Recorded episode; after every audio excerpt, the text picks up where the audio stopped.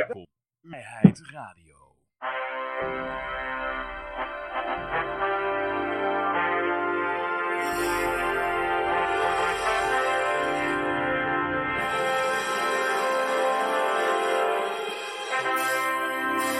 Ja, dames en heren, jongens en meisjes, dit is weer een nieuwe aflevering van Vrijheid Radio. Leuk dat u luistert. We zitten hier gezellig in Café Libertaria met op dit moment Peter en Lucas. En mijn naam is Johan. En hartstikke idee, daar hebben we Peter. En Lucas er ook nog even bij halen, hebben we een knopje voor. Hallo, hallo. F2. Oh, wacht, nee, F3 moet dan drukken. Moet het nog even leren. Hartstikke idee, ja. Dat is de juiste knop. Ja, en nu kunnen mensen mijn... eh, ik heb een keertje geen greenscreen, hè. Nou kunnen mensen mijn achtergrond ook een keertje zien. nou, nee, echt nee. rete cool hoor. Ja, ja, ja. Maar goed, ja, ehm, we hebben weer een hele berg nieuws. En eh, ja, wat, kunnen we nog meer vertellen eigenlijk? Eh, er zijn verder geen huishoudelijke mededelingen. Alleen dat Yoshi er niet is vanwege eh, oud en nieuw in het land waar hij woont. Dus die is lekker met vuurwerk aan het gooien. Ja, en goed, ja, nou ja. Zijn ze dan niet bang voor corona eigenlijk daar? eh, als je met vuurwerk gooit, eh, dat je acute corona krijgt. eh, daar zullen we volgende keer wel weer even over uithoren. Hopelijk eh, overleeft hij dat qua corona. Ah, vorig jaar heeft hij het ook allemaal overleefd. Oké. Ja, ja, ja. Hey, goed joh, ja, eh, ja, kijk, we hebben ook weer een leuke, leuke, leuke, leuke, leuke nieuwe jasje. Die was vorige week al ingegaan. En ehm, ja, kijk, ik heb er nog even wat kleine toeters en bellen bij gedaan. Als het goed is, ja, staan de namen er ook bij. Dus, eh, ja. En me- mensen kunnen ook reageren in de chat. Ik weet niet of er al, of er al gereageerd is. Eh, ik zit gewoon eh, te, te slapen hier. En, eh, eh, nee, nog niet gereageerd. Oké. Dus beste mensen, jullie kunnen reageren. Dus als je een vraagje hebt, dan kunt u dat gewoon helemaal in de chat gooien. We hebben een chatmaster, die houdt het allemaal bij. En eh, ja, goed, we, we streamen op eh, Facebook, op eh, YouTube, op Twitch. En nog een paar wat minder bekende. Ik, ik heb trouwens niet eens gekeken of eh, Periscope nu ook doet. Maar goed, misschien zitten we daar ook te streamen. Goed, eh, ja, laten we beginnen met, eh, met, de- met, de, met de goud, zilver, bitcoins en de staatsschuldmeter. Eh, laten we even beginnen met, ah, ik heb hier de staatsschuldmeter. Die staat op 381,5 miljard in het rood. Eh, volgens mij staat hij nou een beetje stil, die eh, staatsschuldmeter. Volgens mij... eh, dat is waarschijnlijk kapot. Hebben dat het, script, het, kan er niet script, het script is kapot, ja. ze hebben door dat er iets niet klopt. Ik denk het, ja, ja, ja, ja. Hm. Eh, maar oh, jongens, de marijuana-index is flink omhoog geschoten. Die zat eh, vorige week nog onder de 200 en nu staat hij op 203,02. ja, 02. Eh, vol- volgens mij was hij vorige week was hij nog eh, 190 ongeveer. Dus ja, hij is, eh, die is flink omhoog aan het, eh, aan het knallen. Eh, hoe doet goud en de olie het? Eh, olie op 53,38. Dat zit ook steeds een beetje omhoog te hikken. Maar goud eh, wil maar niet. eh 1848. Het is weer onder de 1900 gezakt. Je kan Oké. eh, goud nog steeds voor een prikkie kopen. En ja, dat is eigenlijk heel raar. Want meestal is het zo als de dollar zwak is, dan, dan gaat goud omhoog. En ja, vandaag werd weer bekend dat ook Biden gaat, gaat er anderhalf triljoen bij, of biljoen in het Nederlands bij gooien Oké. natuurlijk niet iets wat eh, ergens anders vandaan geleend wordt. Het wordt eh, uit de Nee, nee, geldpers geleend. Niemand zijn koopkracht neemt daardoor af, behalve ja, iedereen een beetje. Uh, uh. Hm.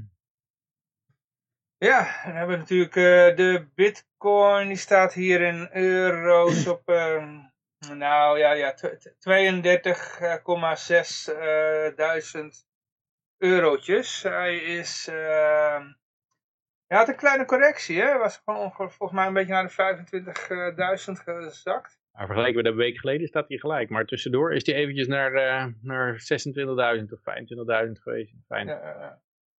Oh, wacht, ik zal hem inderdaad even op een week zetten hier. Maar staat hij op een vijf. Oh.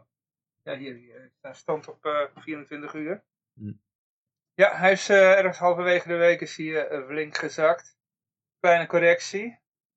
Ik geloof dat, eh, ja, er zijn geruchten dat die bots, die, eh, die al dat, eh, die alles bij elkaar harken voor grayscale en zo. En voor, hoe heet die andere nou? Ehm Eh, MicroStrategy. maar er zijn er wel weer meer, geloof ik. Ook naar een van het pensioenfonds is er ook ingedoken. Ja, ze hebben even die, die bots die alles opkopen, hebben ze even, even stilgezet. Dus dat was een gerucht. En daardoor was hij in één keer naar, weer naar beneden gezakt. Het was, ook, zouden het was ook zo overbod. Het was echt, eh, het zit echt een nog steeds eigenlijk een heel eind van het zoveel eh 20 daags gemiddelde af, of 20 weeks gemiddelde zelfs. Eh, dus 100% erboven. Ja, dat gebeurt op zich niet heel veel. Je hebt ook zo'n, zoiets dat heet de Mayer Multiple. Dat, is, dat kijkt ook hoeveel de prijs boven het zoveel daags gemiddelde zit. Ik weet niet precies hoeveel dat is. Maar dat, dat zat nou zo hoog dat het maar 6% van de tijd gebeurd was. Op zich best wel eh, ja, aan, de, aan de hoge kant. Het moet, eh, moet een beetje afkoelen, zou me niet verbazen.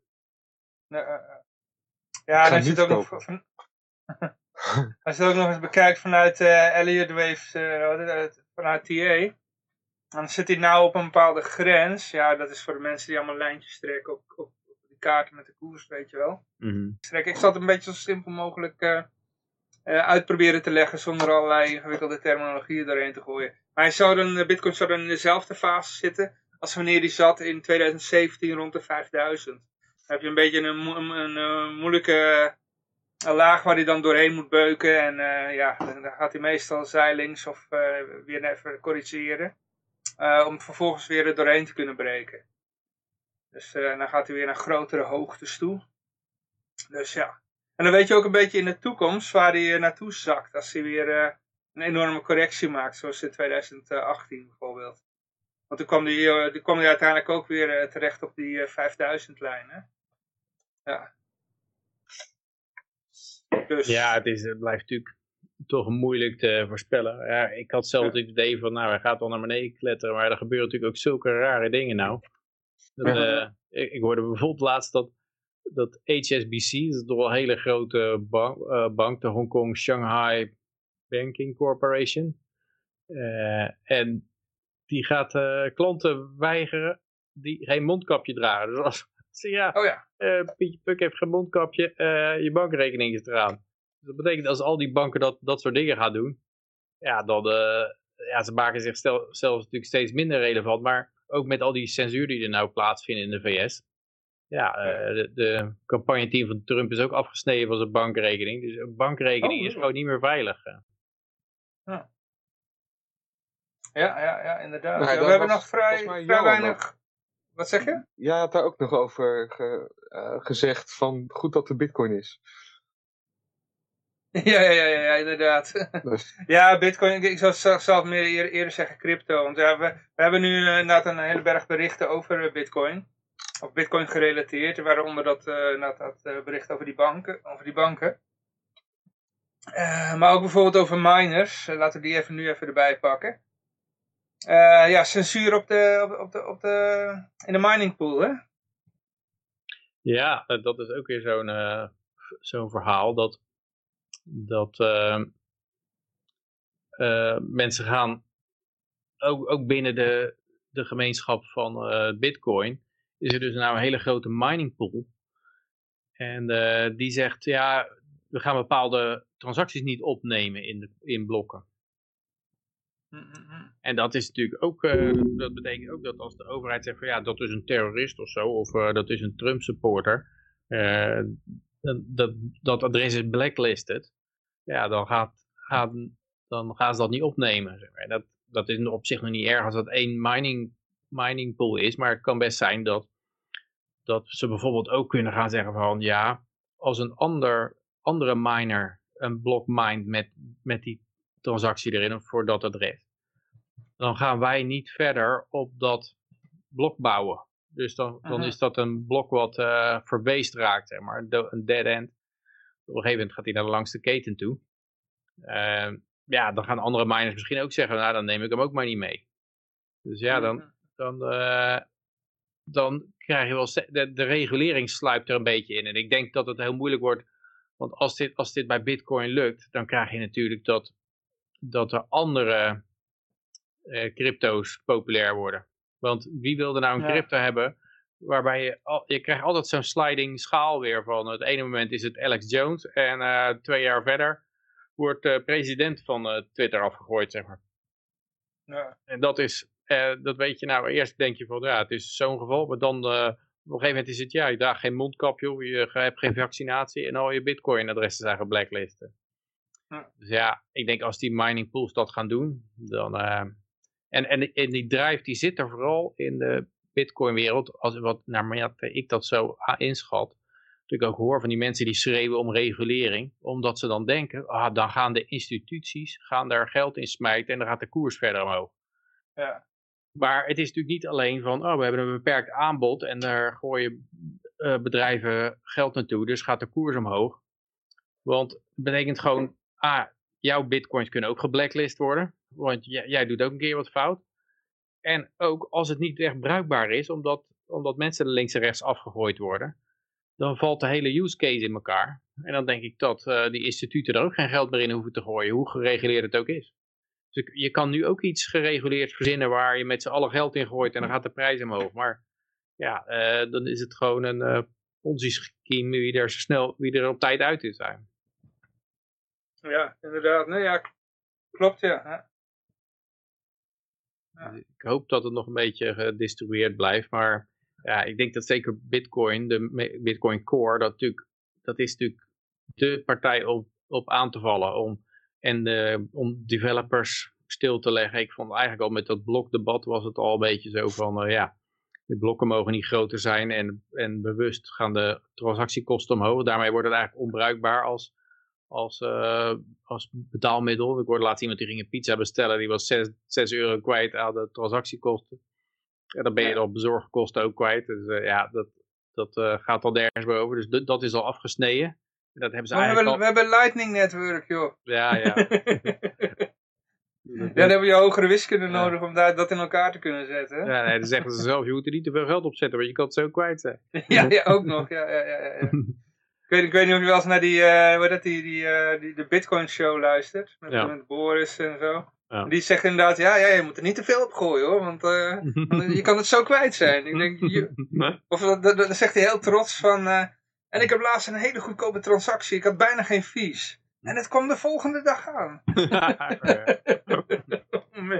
Nee, als betaalmiddel is het, is het al getorpedeerd eigenlijk. En, en dat hebben ze gewoon gedaan door een soort eh, consensus te kweken daarover. En heel veel in chatgroepen en, en, Dingen te eh, censureren, en ja. dingen te censureren en te bannen en zo. En ja, en dan op een gegeven moment denken mensen van ja, dat is de way to go. En nou is dat weer met ja, regulering. moet helemaal gereguleerd worden, want dan komt het grote, de grote geld erin van de, van de instituten. En dan jaagt dat de prijs op en dan ben ik rijk aan het eind. Zo, dat, dat is het idee erachter. Maar eh, you will own nothing and eh, you will be happy. Ik denk dat, eh, dat het moet bruikbaar blijven, ook als betaalmiddel. Daarom denk ik dat die, die dingen die daar echt een alternatief voor vormen, toch belangrijk blijven. Plus dat het hele verhaal was natuurlijk altijd achter bitcoin, het is decentraal, dus je kan het niet aanvallen. Eh, want als, het, als er iets centraals zit, kan je het aanvallen. Maar als je het gaat, reguleren, dan heb je een centraal punt of failure. Want als de regulator zegt, eh, je mag geen Trump-supporters in je eh, afhandelen. Ja, als je gereguleerd bent, dan moet je daar compliant aan zijn. Dus dan eh, moet, je, eh, moet je die eruit gaan gooien. Daarmee zit er gewoon een een central point of failure. En dat is de regulator. Dus je kan dat gewoon niet doen zonder je decentraal. Dan maakt het ook niet meer uit dat je, dat je 6000 miners over de hele wereld hebt. eh, als je aan één regulator moet gehoorzamen. ja. Sorry, mijn ren. nee, je hebt helemaal gelijk. eh, dan hoef ik het niet meer te zeggen. Hm. Ja, nee, inderdaad. Ja, ja. ja. Maar eh, ja, gelukkig zijn er genoeg altcoins. maar ja, die zakt ook allemaal weer mee hè, met, met, met de bitcoin. Ik, ik had wel een beetje het idee dat het ietsje procentueel... Ik heb het niet helemaal echt bijgehouden, maar eh, ja, ik heb zelf ook nog wat eh, altcoins en die... eh, ik heb verder niet omgewisseld of zo. Dus die zakte gewoon mee en ik had het idee dat het procentueel net iets minder zakte dan bitcoin. Maar, ja, ik kan het ook mis hebben hoor. Ja, Ja. ik geloof dat, dat Ethereum zit alweer tegen de 1200 aan of zo. Of, dus, gaat allemaal weer flink omhoog. Ja, Bitcoin Cash die schoot en wel onwijs omhoog. En die, eh, die klapte net zo hard weer neer. Hmm. die zat bijna op de 6000, sorry, sorry, de 600 eh, dollar geloof ik. Bijna verdubbeld. Ja, het is nou een beetje voorbijgestreefd. Litecoin is er voorbij, market cap. Polkadot is ook eh, heel erg, eh, zit heel erg hoog. En dan heb je nog steeds XRP. XRP is nog steeds nummer 4 eigenlijk. Ja, Tether, Ja. dat telt eigenlijk niet mee. XRP, ja.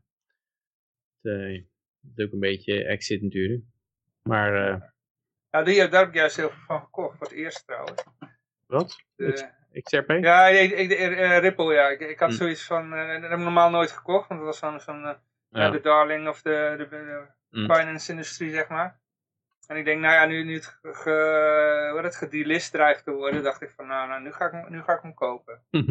Want ik denk van, ja, dat, volgens mij was het een beetje schijn. Dus ik denk, nou, ja. zometeen mag hij wel weer komen, weet je wel. En dan eh, zeg Hm. ik, oh, oké, oké, we heffen de ban op en dan schiet hij weer keihard omhoog, weet je wel. Ja, ik Ja. heb het idee dat, dat het toch iets is waarmee al die, die banken proberen uit te komen onder, dat, onder die dollarwurggreep. Dat je, Dat- Ja, als de Amerikaanse eh, bank zegt van eh, ja, jullie moeten daar eh, opzouten, dan die, die, die figuur moet je eraf knikkeren, dat ze daar altijd aan moeten gehoorzaken, omdat ze anders hun backbone kwijt zijn om, om betalingen via het dollarsysteem te verrichten. En ja, dat, dat gaat natuurlijk, dat wordt zo erg misbruikt dat er een alternatief voor moet kopen. En ik denk dat dat XRP, dat ze daar wel, ja, dat ze dat wel proberen te pluggen. Dat dat niet zomaar verslagen is met de ene Security Exchange Commission eh, ban. ja, Dus je zou, ja, het zou best kunnen. Overigens hoorde ik ook dat Rusland heeft nou meer goud dan dollars in de reserves. Die zijn ook langzaam hun dollars aan het dumpen. oké. Maar dat is Trump zijn schuld, hè? Ja, Trump, ja, ja. Maar goed, ja, we hebben nog een paar, eh, paar kleine bitcoin berichten. Laten we die even nog snel eh, behandelen. Eh, bitcoin is, oh jongens, deze titel moet je even laten zinken jongens. Ik zal hem heel langzaam voorlezen. Bitcoin is vooral geld waard omdat anderen het willen kopen. Moet ik hem nog echt even herhalen? Of? Ja, als Yoshi hier was, dan zou hij zeggen, oh, nu.nl. Dat is een quote, wie zegt dit? Eh, ja, dan gaan ze kijken, waarom is de bitcoin zo populair onder beleggers? Eh, het nu.nl gaat een analyse doen. En eigenlijk omdat hij in anderhalve dag van 35.000 naar meer dan 40.000 dollar ging. Bijna 33.000 euro. En eh,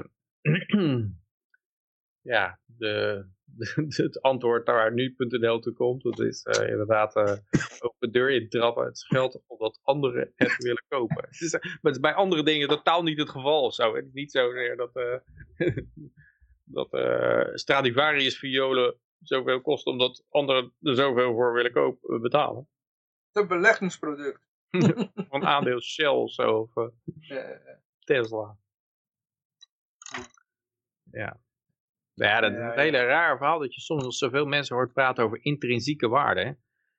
Ja, er is gewoon geen intrinsieke waarde. Eh, de, de waarde zit niet in het, in het item eh, verborgen. Die zit in de nut voor mensen. En die mensen die hebben er, kennen er een waarde aan toe.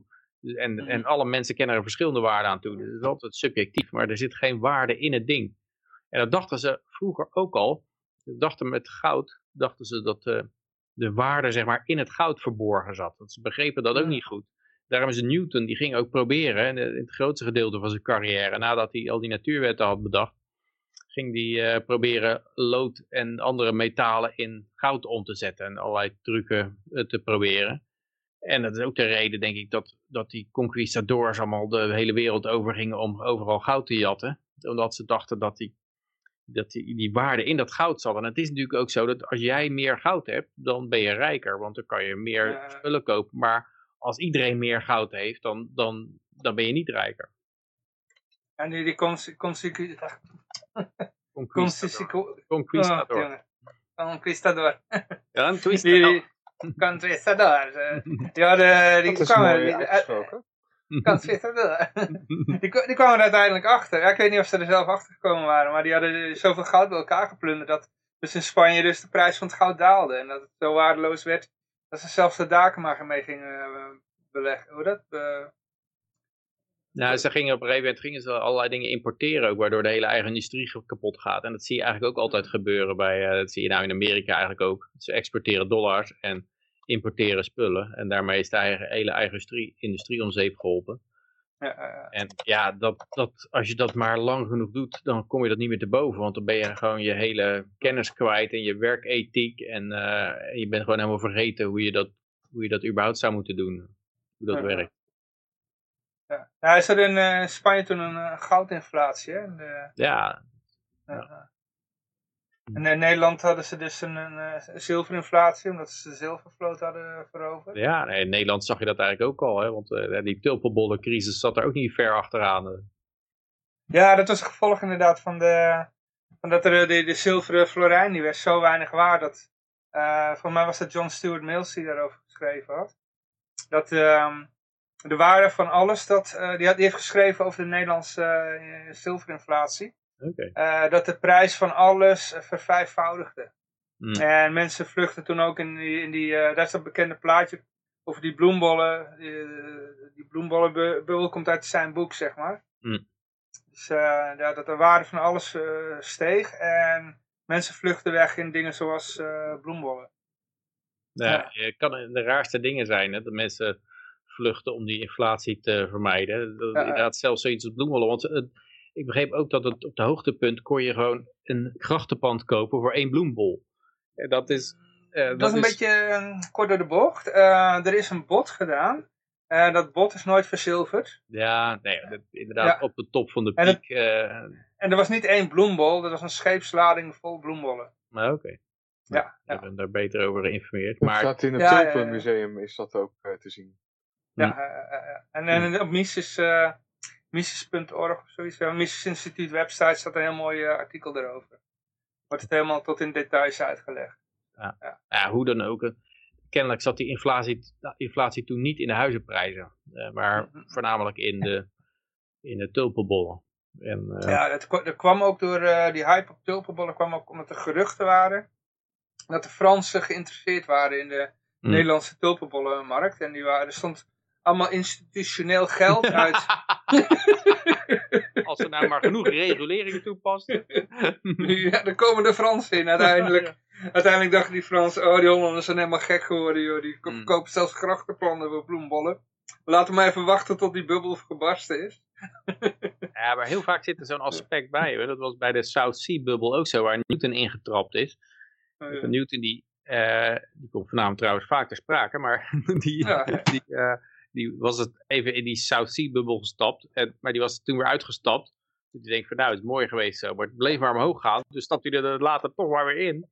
En Oh, toen ja. kreeg hij de kous op, met meer natuurlijk ook, eh, toen kreeg hij de, de klap op zijn neus, omdat het toen eh, in elkaar kwam. Maar dat was ook zo, dat eh, je zou in Zuid-Amerika zou je gewoon van alles kunnen verkopen. Dus het was net zoals nu bij de, of twintig jaar geleden bij de dotcom-bubbel, dat je had dat eh, als jij zei ik ga schaatsen verkopen in Zuid-Amerika, dan, eh, dan had je gelijk een eh, waardering van, van eh, door een hoge waardering. Want daar zou een ongekende markt zijn. Want niemand wist natuurlijk wat er in Zuid-Amerika voor markt was in werkelijkheid.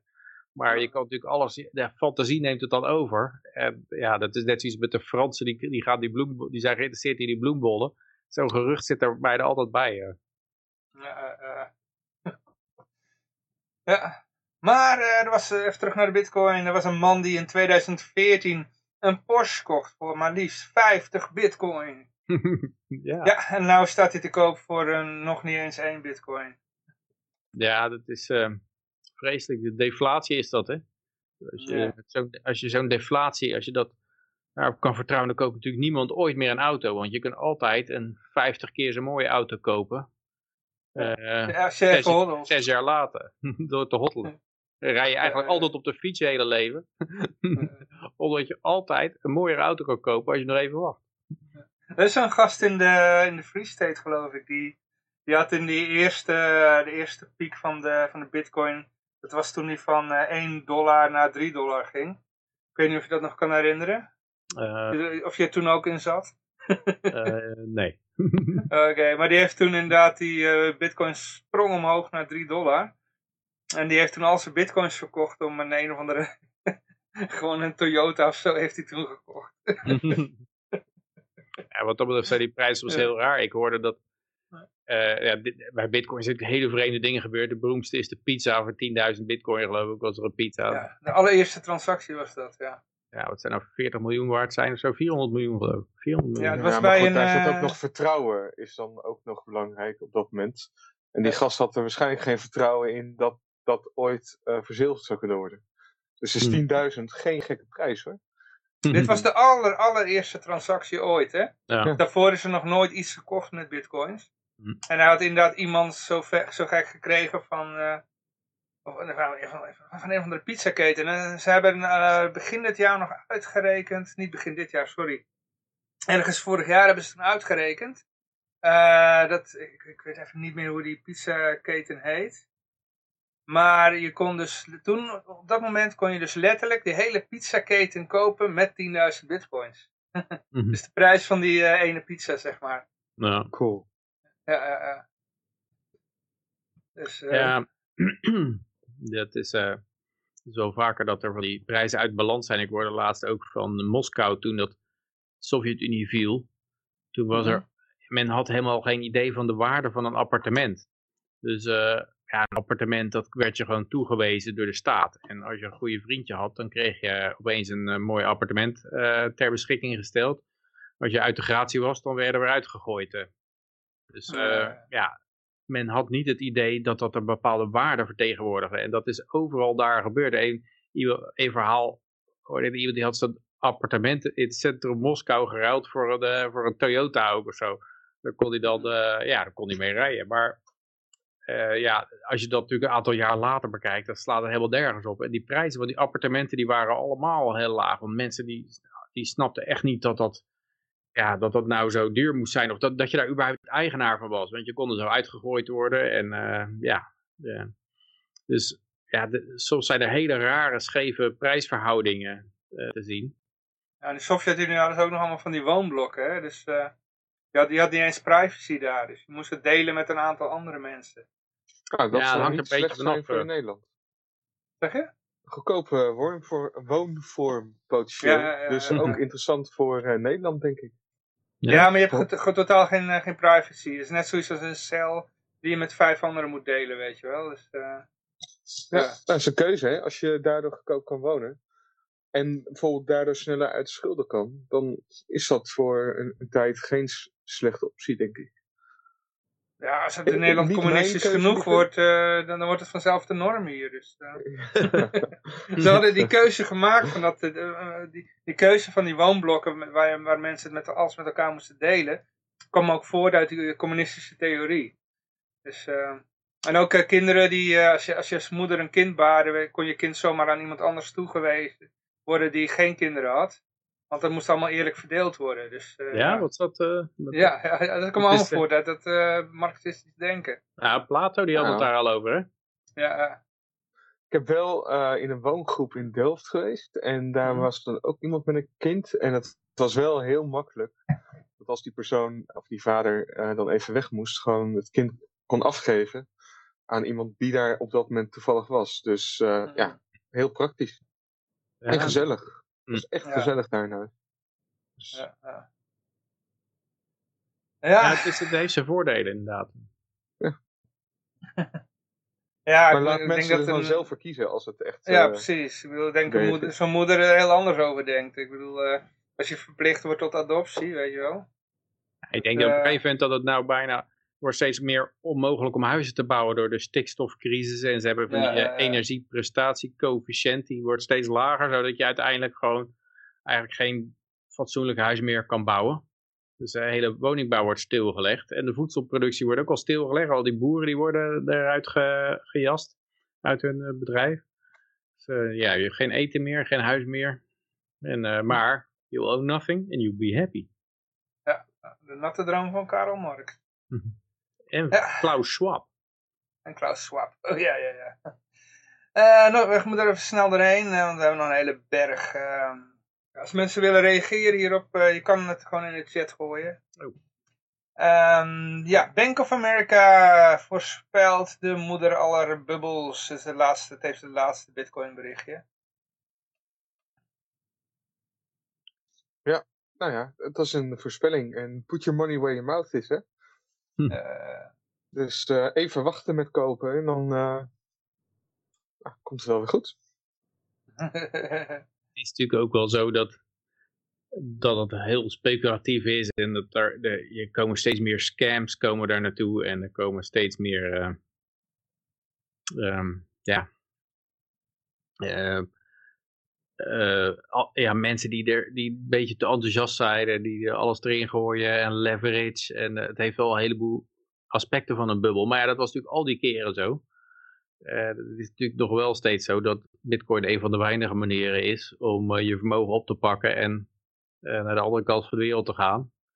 En daar weer opnieuw te beginnen. Zonder dat je. In het verleden is natuurlijk heel veel gebeurd. Dat er eh, bij de Sovjet-Unie bijvoorbeeld, er mocht niemand vertrekken behalve Joden, hoorde ik laatst. En eh, Joden die mochten dan wel vertrekken, maar dan mochten ze maar 100, 100 dollar aan bezittingen meenemen. Dus ze moeten alles achterlaten. Maar ja, dat is natuurlijk eh, een beetje sneu. Als je, als je jong bent is niet zo erg, want dan, ja, dan heb je nog een heel leven voor je. Maar als je wat ouder bent, wordt het wat lastiger. En ik hoorde vandaag Christia, Christine Lagarde, Christine Fifi Lagarde, die, die wilde dat bitcoin zwaar gereguleerd werd. Want er waren deplorable dingen mee gebeurd of zo. Of, eh, eh, dat was, een, eh, het was iets vreselijks. Black Bitcoin. market.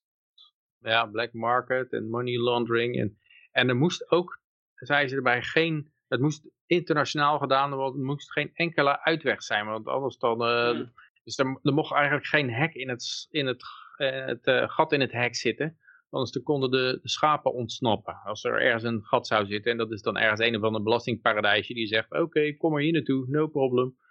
Dat, Ja. ja. ja, dat, eh, dat moest ook eh, afgesloten werden, die mogelijkheid. Oké. En ze klonk behoorlijk, eh, ja, weet je, een beetje desperate wel, ja. Oké. Ja. Positief. Als, als, als zij eh, desperate is, dan, ja, dan is het wel goed Ja, nieuws, ze willen natuurlijk een hele hoop euro's drukken. En kennelijk hebben ze dat met dat goud en zilver hebben ze dat wel in de, in de vingers zo. zo. Ja, of dat- ja, dat komt niet meer tot leven bij mensen, echt. Tot nu toe in ieder geval. En eh, ja, de bitcoin, dat is wel een beetje bedreiging voor ze, lijkt het. ja. Wat ik ze zou aanraden is gewoon een heel, dat ding helemaal de stratosfeer inkopen, die bitcoin. En dan heeft de centrale bank er ook een hoop. En dan allemaal dumpen. Gewoon een hele korte tijd. En dan zeg je van Ik nou, wat is dat nou dat- voor waardeloos geld dit? Moet je Ja, kijken op de volatiliteit. Ik heb al een beetje het idee dat dat aan het gebeuren is. Ik bedoel, eh, je, je ziet al die, eh, noem je dat, die, die s- hoe heet die nou, Mike, Michael Saylor en eh hoe heet die andere nou? ehm, Mike Novogratz. Ja, al die lui die, die kopen dat massaal op, joh. Waar, halen- waar halen ze dat geld vandaan? En dan zie je ook toevallig, dit vind ik dan eh, weer heel hypocriet aan dit, eh, dit- dit- dat, dat ze dan dit soort dingen zeggen, die banken. Eh, ik bedoel, ze, ze kraken dat bitcoin helemaal af.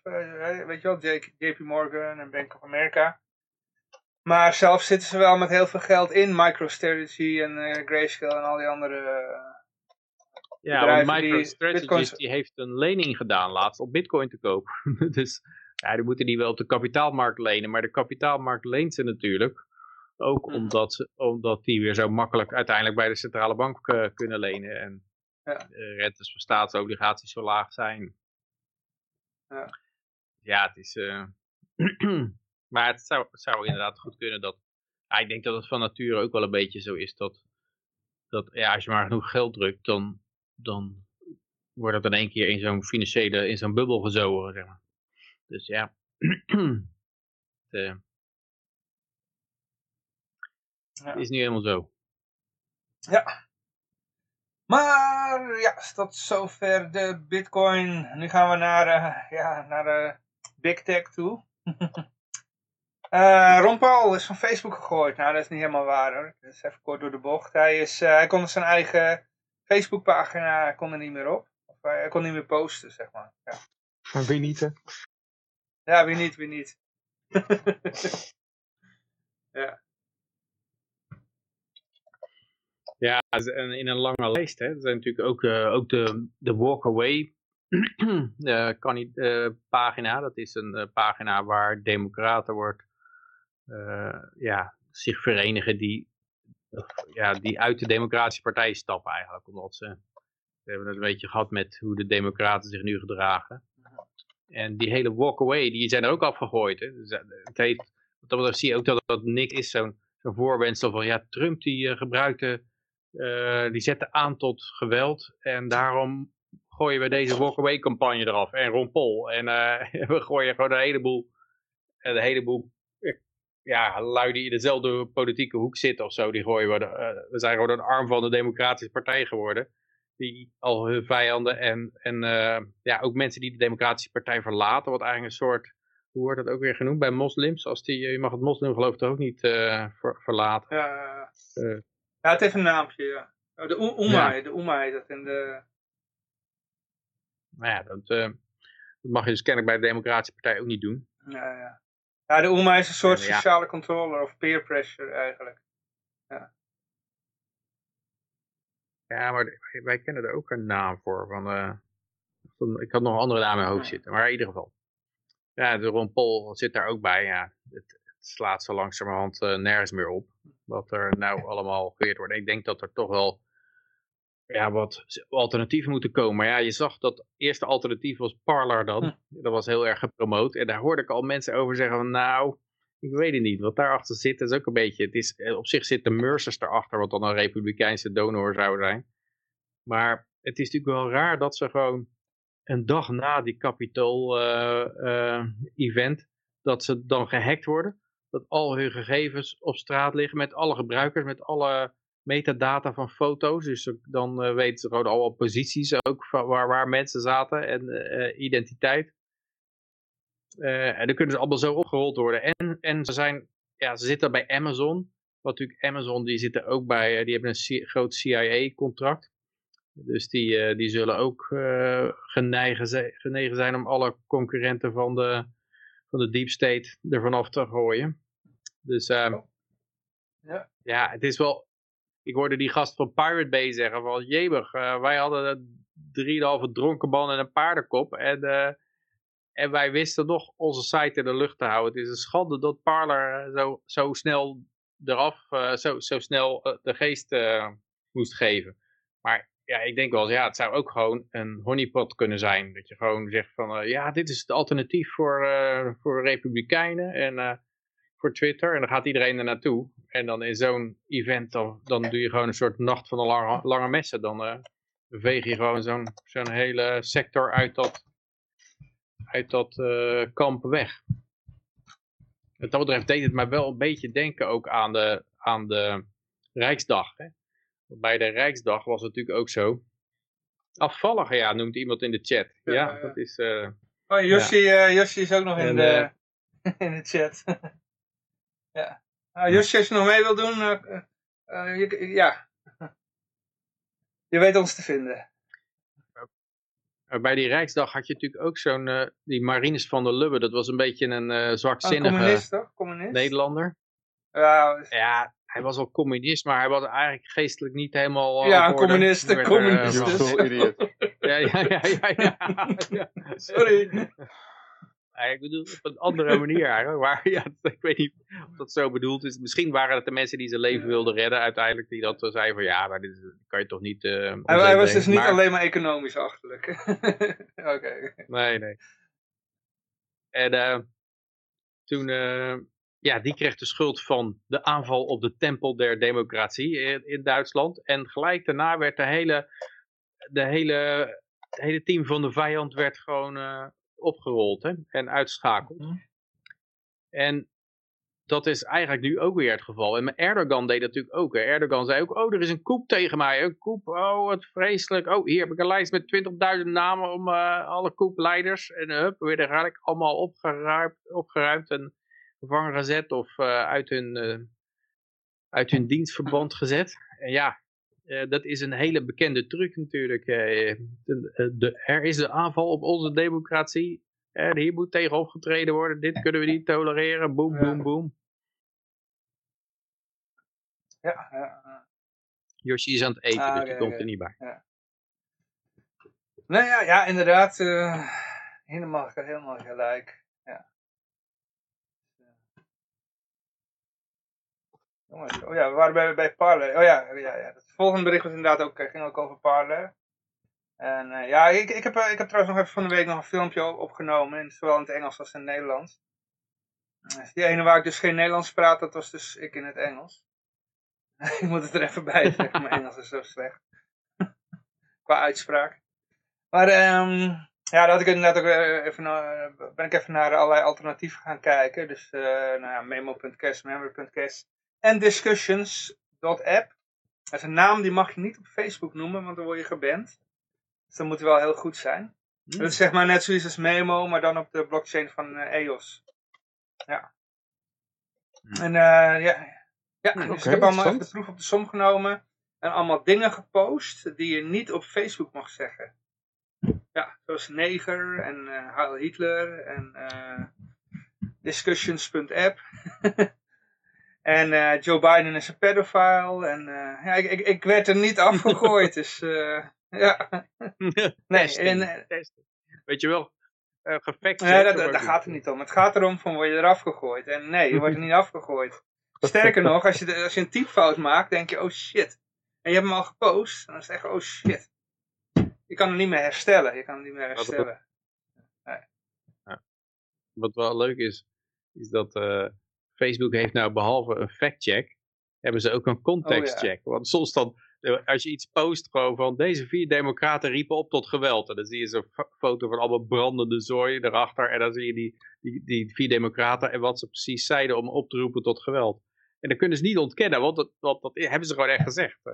Dus wat, ze- wat ze dan doen is, eh, is een contextcheck. Van ja, dit bericht is uit de context gehaald. Ze, ze, bedoelden het niet zo kwaad, en tegelijkertijd, die, eh, die, die speech van Biden die zo opruiend was, die laten ze nergens horen. Hè?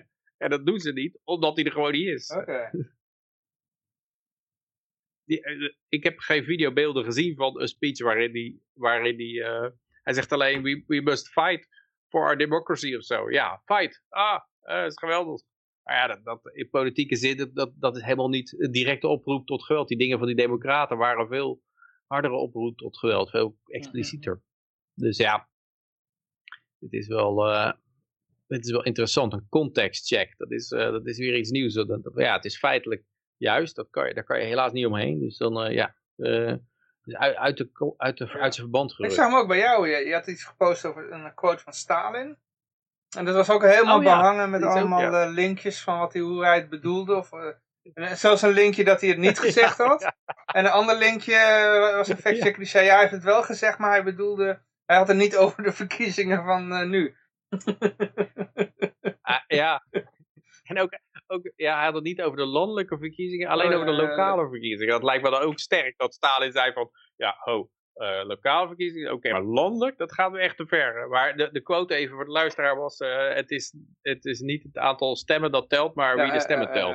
Daar gaat het om. eh, Dat, dat, die quote een hele bekende quote van Stalin. Daarom stond ik ook zo van te kijken dat ze hem, dat ze hem censureerden. En ook, ik kwam laatst een quote tegen van Nancy Pelosi uit 2017. Ja, deze verkiezing is gehackt en er klopt niks van. En we moeten vechten, we moeten we, we ter- we terugpakken.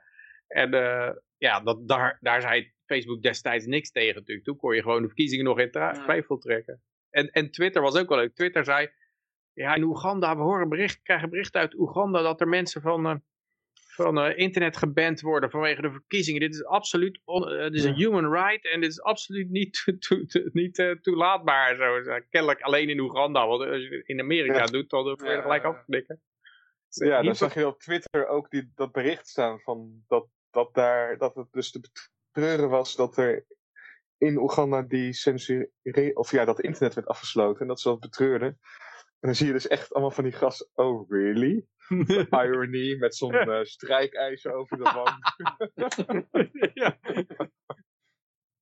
Ja, het is echt Helemaal ongelooflijk dat ze dat niet zien, die hypocrisie. Hè? Dat, is, eh, dat is echt een soort hypnose zit het in. Hè? Het, is, het is een hele Heerlijk. enge hypnose waar het allemaal in zit daar nou. Heerlijk. En, en aan, de andere, aan, de, aan de republikeinse kant is natuurlijk ook zo, die QAnon onzin. Een heleboel mensen ook al helemaal gebiologeerd, trust the plan, en dan gaat hij dit doen, en dan gaat hij dat doen, en ja, klopt allemaal geen zak van. Je wordt er gewoon uitgekikt.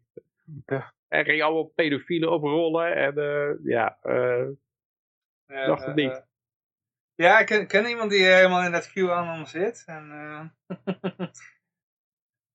Ja, er zijn een heleboel mensen, ook ja, mensen die ik daar, daar niet zo van verwacht had. Toch helemaal erin gezogen. Maar het punt is een beetje, als je er eenmaal iets van gaat lezen en ja, ik wil niet zeggen dat je het niet moet lezen of zo, maar het is wel zo, dan, dan lees je dat en denk je, ja, misschien zou wel, dan ga je nog eens wat lezen. En dan ga je wat anders lezen en je gaat er steeds meer over lezen. En dan, dan, dan ga je het wel, ja, zou je het kunnen gaan geloven. Behalve dan dat, ja, er was al gebleken dat, dat die voorspellingen zijn natuurlijk heel vaag, een beetje gypsy-achtige voorspellingen. En eh, ja, dan kan je dus altijd achteraf op dingen wijzen die zeggen van, nou, dat paste bij deze voorspelling. Maar ja, voor de rest was er ook niet echt duidelijk echt iets uitgekomen of zo. Of, eh, dus ja, dat, dat, daar moet je ook wel een beetje ja, bedacht op zijn. Dat, dat, eh, dat er vage dingen voorspeld worden en zelfs Ja, dat komt niet uit, ja. Ja, ik, ik, ik, ik hoor een paar van die, van die QAnon eh, eh, die, hoor ik daar, die hoor ik dan zo praten. En dan denk ik echt van, nou, goed. eh, er wordt weer iemand geroepen, zo te horen. Dat is de rest van de familie, ik kan er niks doen. hey, maar eh, Ja, we ja, hebben ja, nog meer ja, ja, items ja, ja. op de lijst.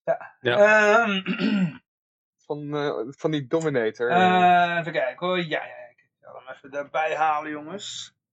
Wat? Wie, waar? Ik moet even lachen om.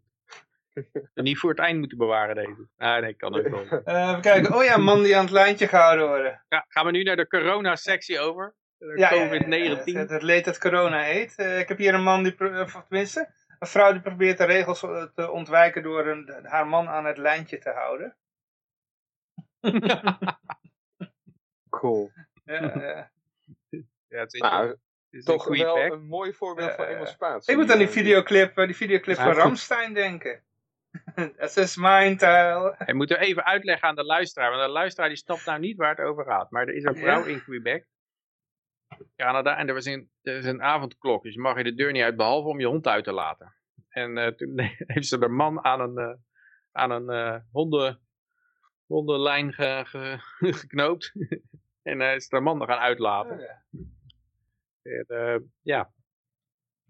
En dat is niet gelukt, want ze heeft nog steeds een boete gekregen van de politie. Trapt er niet in. Maar ja, je zou kunnen zeggen toch van, eh, ja, als ik mijn hond mag uitlaten, mijn man identificeert zich als hond, dus, ehm, ja, ik, eh, ik overtreed de wet niet. En als je daar, dat gaat zo tegenwoordig toch, als je je identificeert als vrouw, ben je ook opeens vrouw. Dus als je je identificeert als hond of als pinguïn of zo, dan ben je dat ook gelijk. Een politie mag dat niet in twijfel trekken, dus is hier een wettige manier, een regel, eh, uitzondering, eh, is, hebben ze hier te pakken. Dus ik denk dat deze boete is aan te vechten. Ja, ik zou het doen, ik zou het doen. Ja, en wat, eh, wat ook in het begin werd gezegd, voordat eh, de echte stream begon, eh, dat natuurlijk eh, ook niet aan een, een of ander politieagentje te bepalen is eh, of iemand zich identificeert als hond. Nee, nee. Eh, Dus dat speelt ook nog mee. nee. Is aan, aan de persoon zelf altijd. Eh, Ja. dus zo, zo zijn de regels tegenwoordig. Dus, eh, Precies. Ja, ik ga maar even proberen om hem even eh, zichtbaar te maken. mooi plaatje Ja, erbij. even, want ik moet, eh, Ik zag dus op het strand van Scheveningen een vrouw die, zijn, die haar man of Oh vriend ja. uitliet. Dat was zo bijzonder om te zien. Ja. Dat zie je in de Oesgees niet eh, elke dag, zeg maar. dus men stond er ook naar te kijken in Oesgeest. Van, Wow. Ja. Ehm, ja, ondertussen gaan we even, gewoon even verder. Ik zal zo meteen even dat eh, plaatje even erbij halen.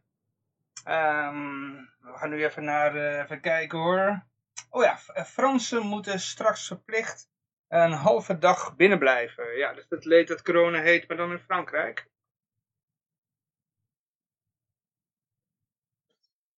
ja, Ja, Nou, tussen ja. zes uur en zes Zes. uur. De avondklok. Ja. het is op zich wel goed, denk ik, eh, om mensen te laten voelen waar ze voor hebben gestemd.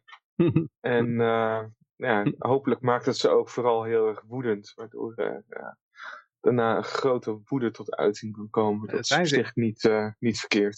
Ze zijn in Frankrijk al heel boos toch al de hele tijd. Ja, ik Schiet er niet kan veel weer even lekker olie op het vuur gooien. Dus ik vind het niet zo erg... eh, ik kijk er graag naar. Fransen die boos zijn, vind ik leuk. Jij hebt het idee van er komt een keer een bestorming van de Bastille en een soort guillotine aan te pas. En dan, eh, Ik weet niet wat ze gaan bestormen, maar als het maar... als de leiders maar bang worden, dan is het goed. Ja, ze lijken er toch, wel- ja, meestal de leiders die denken van, nou, maar qua geweld zitten we wel goed. We hebben gewoon een leger en die volgen de orders. En eh, als wij zeggen schieten, neermaaien, die handelt het al best in orde. Die vinden het, ik heb het idee dat ze er plezier in hebben om te kijken hoe ver ze kunnen gaan. En het, het is heel ver. Ik hoorde laatst wel in Denemarken enorme rellen in Denemarken en in India. En daar hoor je dan eh, niks van hier natuurlijk, want ja, je moet niet op een idee gebracht worden. Je krijgt vooral teamberichten te horen bij Metro Nieuws en nu.nl over het vaccin. En, eh, dat het halverwege de A12 is en dat het nu bij het distributiecentrum is aangekomen. En eh, we praten hierbij met de vrachtwagenchauffeur die de Pfizer vaccins naar het distributiepunt rijdt en, eh, en zo verder en verder. Maar ze zullen niet laten zeggen, in Denemarken zijn ze enorm aan het rellen om... Nee, dat is dan fake nieuws. ja. Hier, ik heb... eh, Denen kwamen trouwens wel met een vaccinatiepaspoort. ah, oké. Dat begon er al mee. Ik heb even de browser eh, erbij gehaald. eh, dus jullie kunnen nu even kijken naar het scherm. Dan zie je, eh, ja, het is geen clip, eh, niet uit de clip van Ramstein, die is dus mijn taal, maar eh, het is gewoon een vrouw die, die de man uitlaat. Ja. ik weet niet of de foto ook van... Het is misschien een stokfoto hoor. Ik weet niet of het nou de Eh, ehm, daadwerkelijke gearresteerden zijn. Of uh, van beboeten. eh, eh. Oeh, ik zie dat er iets in de chat ge- gegooid is. Nee, ik ben aan het eten. Gewoon is nog ook laatste niet down. Andere chat. Oh, Oké, ja. Belangrijk is het apparatief effect tegen te gaan. Hij doelt op sociale samenkomsten waar geborreld wordt, voorafgaand aan het diner. Dat kan je niet hebben. Volgens de Nee. regering verspreidt het virus zich minder in de departementen die al een avondklok van 12 uur lang hebben en waar de bevolking de hele avond moet binnenblijven. Ja, Dat is gewoon de Provence, zeg eh, maar. In de dorpjes. ja, ik denk dat in dorpjes dat, dat ze zich daar niet zoveel aan, aan gelegen laten liggen aan dit soort dingen. Ja. Maar ik hoorde laatst dat de, de mm, CDC, die had gezegd van, of de WHO, een van die twee, dat het vir- virus zich meer binnen verspreidde dan binnenshuis dan buitenshuis. Dus dan kan je eigenlijk mensen eerder dwingen gewoon buiten te zitten de halve helft van de dag eh, in plaats van binnen. Kennelijk vinden binnen al die besmettingen plaats. Ja, je hebt echt het idee dat ze mensen uit elkaar willen drijven. Hè? Dat ze gewoon, eh, ja, dat ze bang zijn als de onderdanen met elkaar communiceren. Eigenlijk waren al die duizenden, al die duizenden camera's overal om de burger in de gaten te houden. Dat was al een soort gestold wantrouwen. Dat de overheid, die vertrouwde de burger niet. Daarom wilden ze continu overal camera's op die onderdanen hebben. Of ze geen, geen, geen eh, opstand aan het voorbereid waren. En natuurlijk alle communicatie checken en geen encryptie. Want we moeten het allemaal goed in de gaten houden. En nou mag je eigenlijk gewoon niet meer fysiek bij elkaar komen. Je alles over het internet moet doen. Dat, dat, dat kunnen ze kennelijk allemaal goed monitoren dan. Ja. Gewoon eh, enorm wantrouwen. En ja, ik denk wel terecht wantrouwen. Ze weten gewoon, we gaan steeds verder. We maken het, maken, we zijn steeds schoftiger. Dus eh, waarschijnlijk komen ze binnenkort wel een keer in opstand. ja. Zodra de, de geldpers uitgaat. bijvoorbeeld. Ik hoorde toevallig nog wel een theorie, eh, ja, een van de vele theorieën. Maar dit werd geuit door een politicus. En die zei van, die had het erover van, ehm, dat, nou, dat virus was dan ontstaan in China. En de Chinezen die hebben het ge- gewoon heel keihard aangepakt. En die roepen nu van, kijk, wij hebben het allemaal onder controle. Maar kijk eens naar al die democratieën, die doen maar wat. Die hebben het totaal niet Ja. onder controle. En dat daar al heel veel van die politici zoiets hebben van shit, dan moeten wij het even keihard gaan aanpakken. Zodat wij tegen die Chinezen kunnen zeggen, zie je wel, wij, wij hebben een democratie en ons lukt het wel. Weet je wel? Ja, dat, werd ook, dat is ook in een, eh, in een Rockefeller document. Daar heb ik de laatste, toevallig vandaag een videootje nog van gezien. Eh, uit, uit, ja, een hele tijd geleden al hadden de Rockefeller, 2004 of zo, denk ik. Die hadden, eh, eh, de foundation, die hadden een programma Lockstep heette het. En het, dat, dat rapport kan je nog gewoon ophalen over eh, programma over Lockstep, Mhm. Rockefeller Foundation. En eh, wat daarin beschreven werd, is gewoon helemaal wat er nu gebeurt. eh, van de, ja, eh, eh, pandemie en ehm, ja, het, ook het verhaal dat in dat lockstep simulatie die ze daar deden, was het ook zo dat China, die deed het heel goed. Omdat ze zo'n totalitair regime hadden. Maar de westerse democratie, die hadden te veel vrijheid. En daardoor werd het eh, een zootje. En, en er werden wel regels gesteld, maar die werden niet keihard, snoeihard gehandhaafd. Dus daarom ging het mis. En er waren maar allemaal meer zoals China. Dus het is inderdaad, China is het, is het grote voorbeeld ook voor de Rockefeller Foundation. En dat is, dat is eigenlijk wel het trieste, dat zo'n zo'n eh, Rockefeller die eigenlijk eh, een, een soort kapitalist was, die een heleboel olie beschikbaar heeft gemaakt voor de consument en dan daar enorm veel geld mee verdiend heeft. En die, die probeert het dan aan liefdadigheid uit te geven aan het eind van zijn leven en dan komt het in een stichting waar gewoon de ene slechte ding met het, na het andere gebeurt. En eigenlijk is Bill Gates ook zo. Dat gaat ook geld gaat een enorme stichting. En volgens mij, ja, je kan maar beter, eh, als je zo rijk wordt, je geld aan het leven in, in een grote put storten of zo. Nou Want, ja, eh, als je het in een stichting, een stichting doet, gaat geheid Nou, mis. het idee daarachter is dus van, kunnen ze A, ze kunnen belasting ontwijken dan, hè. En ten tweede kunnen ze ook nog heel veel eh, sturing geven aan, eh, in, de, in de politiek, zeg maar. En dus bijvoorbeeld de, de, Koch-broers doen dat bijvoorbeeld. Eh, die, die zitten dan heel veel met, eh, in, in, eh, ja, een beetje in libertarisch, maar vooral in conservatieve hoek een beetje te sturen. Ik denk niet dat die veel invloed Nee, heeft. nou, die hebben wel redelijk wat invloed. De Kochbroers, die hebben aardig wat geld bij elkaar gehaald met de olie, hè. En die, eh, die zitten dan in een stichting en die besturen dan in allerlei eh, conservatieve denktanks en zo. Eh, maar dat heb je ook met, met democraten. Democraten doen, wat is zo'n Warren Buffett of iemand anders. Oh, nou Bill Gates inderdaad. Ja. Die, die zit dan, Ja, maar die probeert dan ook te En sturen. Warren Buffett heeft zelfs, die hebben, die weet hij, zijn, zijn maatje ook alweer, die zijn met z'n tweeën. Die ene is een republikein, een vriendje, ander democraat vriendje. Dus hebben ze het altijd Charlie Munger. Charlie Munger en Warren Buffett, dus die wisselen elkaar af. Maar wat ik maar wil zeggen, van ja, ze kunnen wel invloed uitoefenen op de politiek, maar die invloed is zo vreselijk slecht. Zo, wat, er, met- wat er uit die Rockefeller Foundation komt, is gewoon Mhm. zo vreselijk tegen de vrijheid in. En dat gebeurt er met dat, Ja, ja, ja, ja. dat geld. Uiteindelijk is het in zo'n stichting geraden. Het wordt, het wordt gewoon heel slecht eh, ge- gebruikt. Overigens, eh, er is een chatbericht. Sumo War, die zegt Bretton Woods wordt vervangen. Daarna is het virus als sneeuw voor de zon verdwenen. Maar Bretton Woods is al vervangen. Dat is eigenlijk al, eh, dat is al gefaald al veel eerder.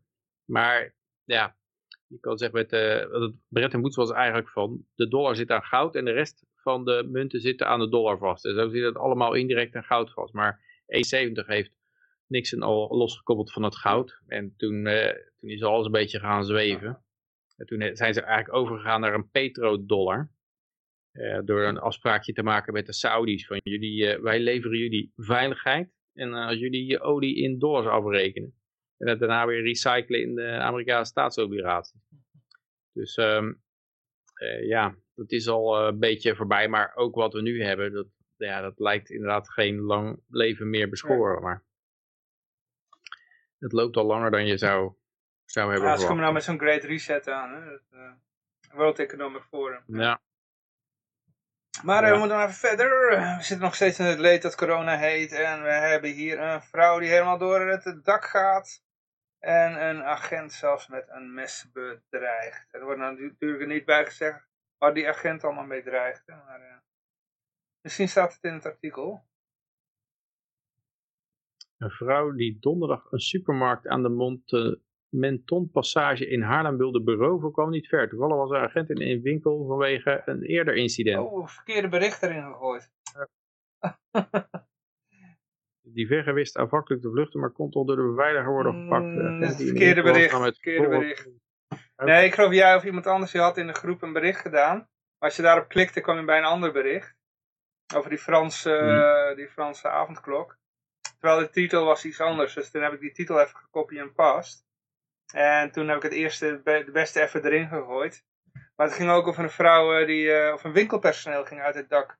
En hebben een agent verwond of zoiets. Maar, Hm. Oh ja, ja. ja. ja, dus dat, dat bericht moest ik hebben.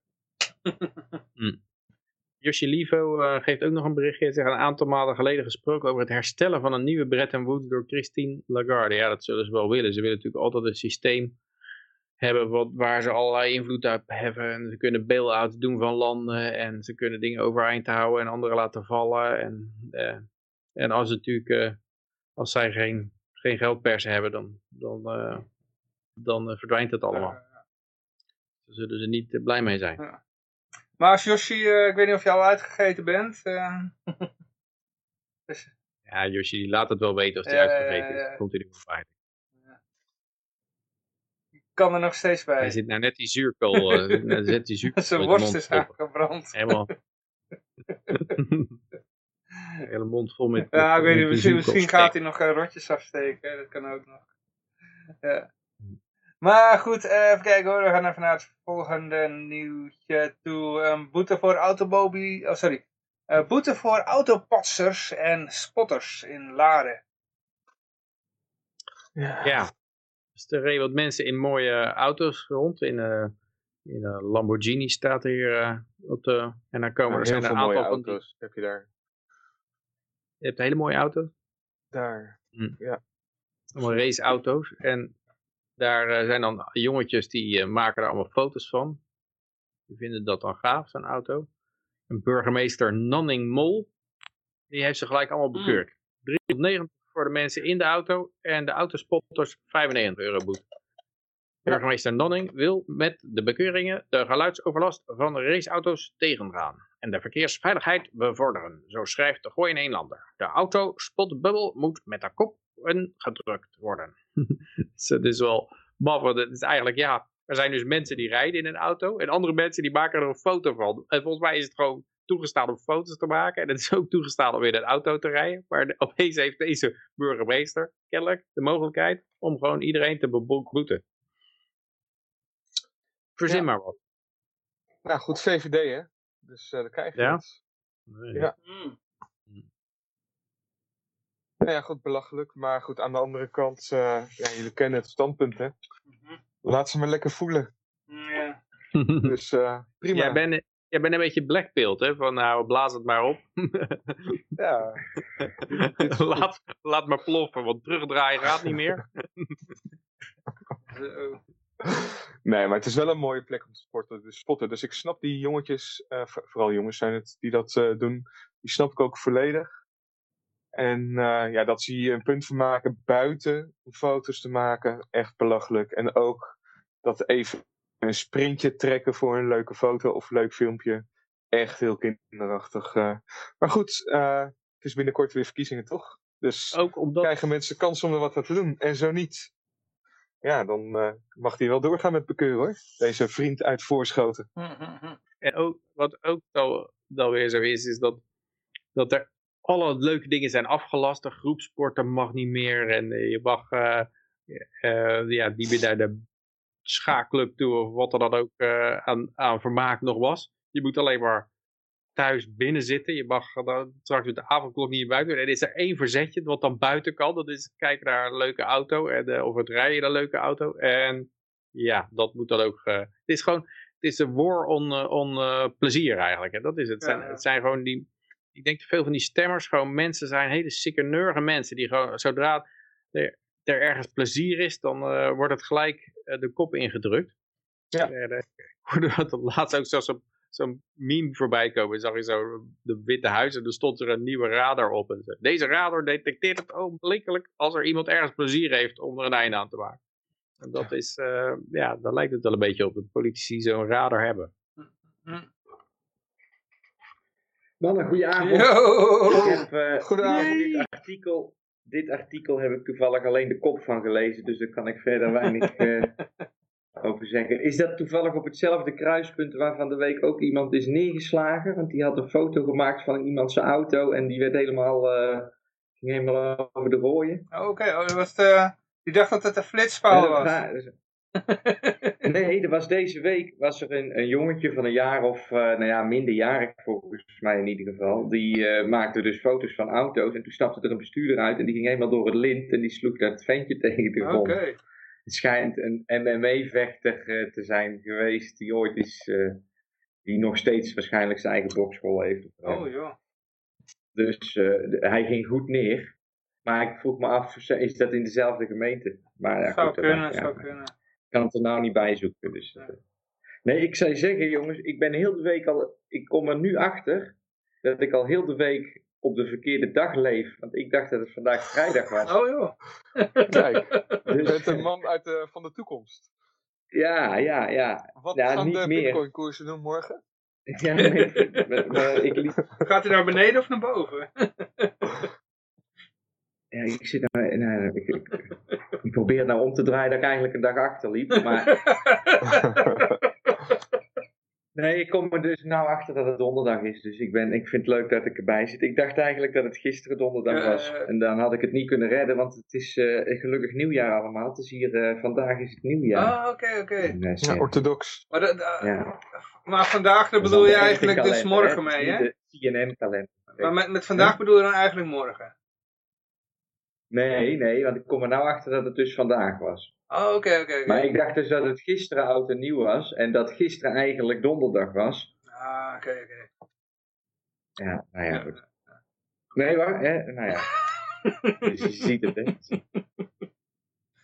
Ik wilde nog zeggen over die eh, Christine Lagarde, eh, dat hele verhaal over die Bretton Woods, dat, dat- die opmerking die nog gemaakt werd in de chat, dat er inderdaad die opmerking is gemaakt vorig jaar door Christine Lagarde, dat die dus eh, eh, denken over een nieuwe tweede Bretton Woods, maar dan, waar wordt dat dan op? Wat wordt dan de gouden standaard, zeg maar? Want ik denk niet dat het teruggaat op goud. Dat kan ik me haast niet Ah, ik denk die. Dus die, eh, die IMF-coin, toch?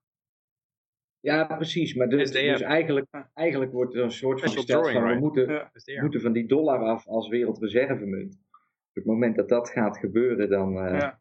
Ja. Maar het was toen toch met eh, Bretton Woods waren er toch twee kampen. Je had het kamp van de Wereldbank en van de IMF.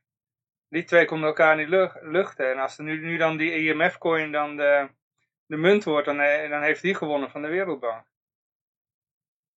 Toch? ja, maar dat is allemaal nog niet zo gezegd. Hè? Dat staat nee, nee, nee, goed. Er is alleen de opmerking gemaakt van we, zou, we- denken daarover na. Dat is er gezegd. Hm. We denken na over een, een, een, het herinstellen van een soort Bretton Woods standaard.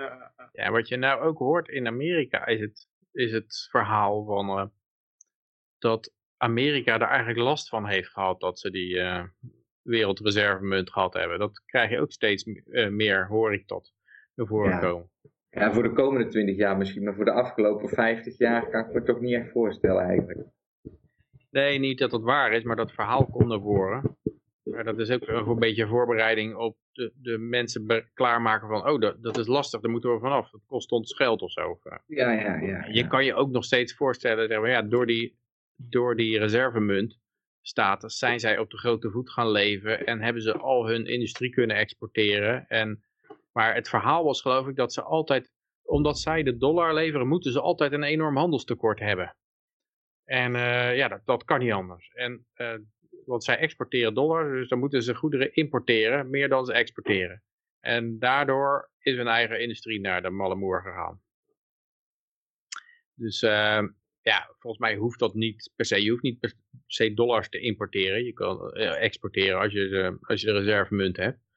Ik, ik zie dat nou, nooit zo. Ja, het is natuurlijk wel zo dat andere landen dan dollars nodig hebben, maar niet steeds meer dollars ook. Het is ook zo dat ja, op een gegeven moment heb je dan iedereen zijn dollars en dat blijft dan circuleren. Nee, maar dat is het punt. Er circuleren er altijd te weinig, want er is altijd een rente op die schuld.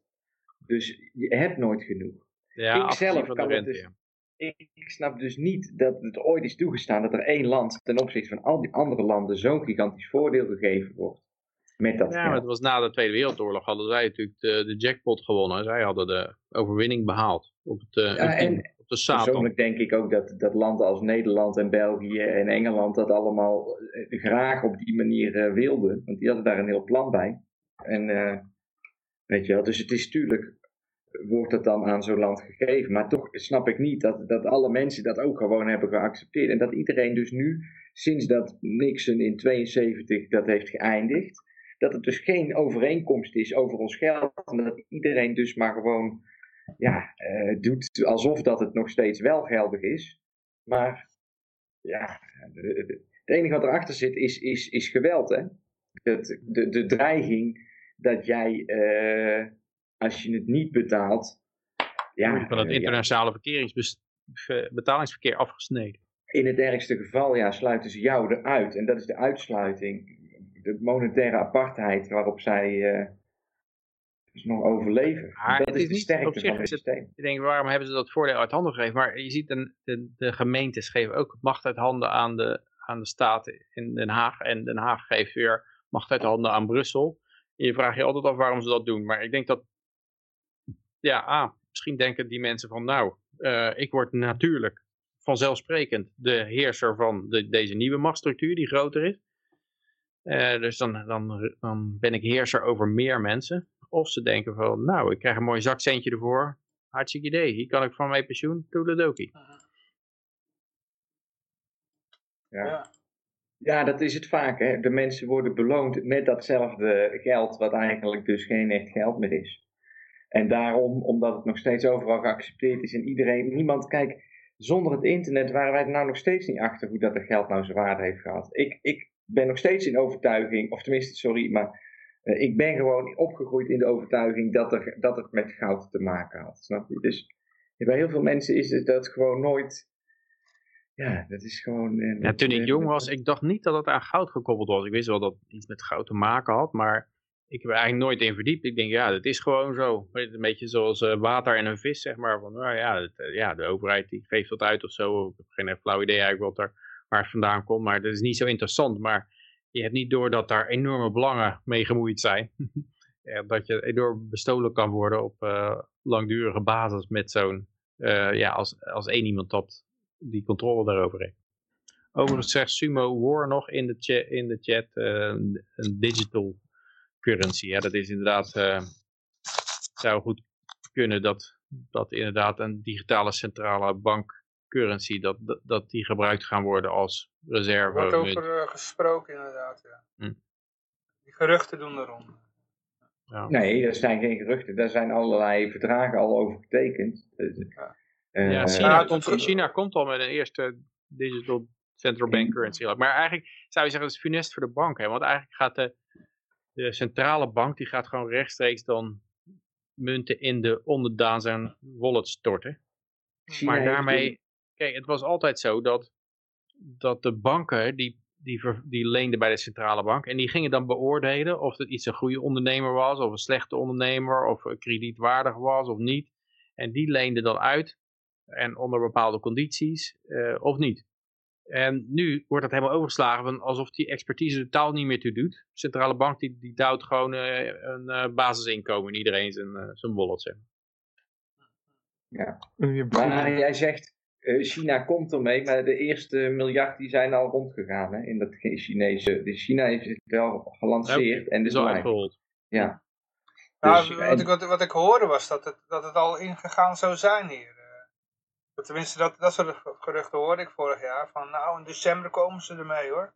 Er zijn in de VS in juni, Ah. 30 juni, laatste dag van het tweede kwartaal, eh, zijn in, is een overleg gevoerd en daar is een paper uitgekomen. Die is gewoon, heeft documentnummer zoveel uit. eh, weet je wel.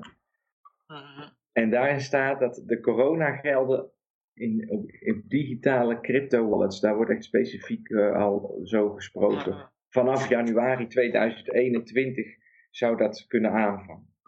Ah, Oké. Dus Maar goed, even kijken. Ik heb hier drie berichten. Ik heb ze per ongeluk hier in de, de ding heb ik, hier in de forum heb ik ze niet goed op volgorde gezet. Maar die hebben allemaal wel iets met elkaar te maken. En daar gaan we nu even over hebben. Eh, de eerste is, eh, nou ja, daar zie je Mark Rutte staan. Hij zegt, eh, langere lockdown. We hebben geen andere keuze. Nee. Ook door de Britse variant. En hebben een ander bericht dat ik een beetje aan had gerelateerd. was dat er een man, een hoogbejaarde man uit het raam was gesprongen van negen hoog. eh, toen Rutte deze woorden uitsprak. En een huisarts die, eh, nou daar hadden we het al eerder over hè. Die eh, van de corona-afdeling. die zou paniek hebben gezaaid. Ja, van Maar daar gaan we het zo meteen over hebben. van 87. Ja, je kan daar, ja, je hoeft er niet lang over uit. Maar hij sprong van 9 hoog uit de flat 87 jaar oud, omdat hij liever dood wilde dan de eenzaamheid van een lockdown, van een nieuwe lockdown. En het hele Ja, verhaal is natuurlijk altijd, ja, we doen erg. het voor de oudjes, we doen het voor de oudjes. En dit is Ja. wat de oudjes dan doen. Die zeggen, nou, zo hoeft het voor mij niet. Boom, spring uit de fles. Inderdaad. Nee, precies. Maar ja, ach ja. En dan, eh, dan zegt hij er toch achter van de... Eh, ja, Speedy zegt, hij was niet bang voor corona, maar wel voor de eenzaamheid en het isolement. En eh, dan, dan staat er ook nog ergens, die durft gewoon te zeggen, ja, achteraf met, ja, met terugwerkende kracht denk ik, het was een te streng regime. Nou, maar dat is de zoon van, van Kees. Ja, die, eh, ik weet niet of hij dat die ervoor komen ook niet, ook altijd, hè? Ik vraag me af wat ze eh, daar nou in zo'n zo'n zo'n verzorgingstehuis denken. Nou ja, dit was een verzorgingstehuis. eh, Woonzorgcentrum. die, ja, waar je dus op zich gewoon wel zelfstandig woont. Alleen eh, dat je ook nog verzorging op je kamer kan krijgen als service. En ja, blijkbaar hebben ze dan eh, gezegd van, eh, ja, je mag niet dat en dat en dat. Ja. Eh, daar reageert iedereen anders op. Maar, En ze ehm, krijgen in de flat zorg die ze nodig hebben en Ja. aan huis. En in normale tijden zijn er de gemeenschappelijke ruimte veel activiteiten zoals een kapper, een winkel, een restaurant en een bibliotheek. In maart ging alles op slot. Alle mensen moesten in hun eigen appartement blijven en mensen mochten niet naar buiten om hen te behoeden voor corona. Ja, ja, klopt. terwijl je buiten het minst risico loopt nog dat te zijn. Hij zit inderdaad de hele dag opgesloten. Dat is de hele essentie precies, wat Lucas zegt. De, de hele maatregelen die zijn helemaal niet voor de volksgezondheid. Maar ja, dat moet je alleen durven zien. En dat is nog steeds het probleem. Als je dat gewoon Ja. zegt, dan worden daar mensen... De, de- je mag niet dat denken. Van, want ja, dat, dat kan gewoon niet Facebook, zo. de word je van Facebook gegooid. Ja, Ah, ja. ja. ook. ook dat. Nee, maar het is meer het gesprek wat je niet kan hebben met die mensen Ja. erover. Van, Ben je een wappie? Je bent een wappie met lang haar. En dan, Ja. dan, eh, dan heb je het probleem, volgens hun. Maar als je het over Je het probleem wil hebben, dan kan het. Covid-idioot ben je dan. Ja, er, werd, er is toch zo'n filmpje van Van Haga op eh, Blackbox TV. En daarin draait hij het om en dan zegt hij... Nee, de wappie is degene die met een maskertje op in zijn auto gaat zitten met de ramen dicht. Dat zijn de wappies. ja, nog met zo'n plastic scherm ervoor. Ja, Padscherm. met, met zo'n spatscherm inderdaad nog achter het stuur gaan zitten. Nee, maar... ehm, Dan ben je een wappie. Cool. nice. Wauw. Oké, dus hij doet het, hij doet het, hij doet het. ja jongens, de voice, de voice mod staat weer aan. Cool. Ja. Ja, ja, ja. Ja, maar eh, ja, dan hadden we natuurlijk ook die... eh, ja, ja, goed, ja, ja, ik had dus eh, dit, dit bericht, maar eh, ja, we, we hebben natuurlijk nog even... laten we eerst even naar Rutte gaan. over paniekzaaien gesproken. Ik heb een nieuwe Over van de flat springen gesproken, nu Ik naar Rutte. Een De oorzaak, de oorzaak. Ik zeg tegenwoordig Nou, wat, eh, onder berichten schrijf ik dan het houdt niet op, niet vanzelf. En dan is dat heel kort, duurt niet zo lang. En dan heb je toch een leuke needle, kijken wie erop rea- reageert. En dan kun je wat beginnen. weet je, het Ja. houdt niet op, niet vanzelf. En dan komt er altijd wel iemand die zegt, oh, kijk eens naar zijn profielfoto met een eh Davidster erop. Dat kan dus niet. Jij bent echt verschrikkelijk. Jij bent bent een wappie! Twee weken om de curve te flatten. Dan zijn we er.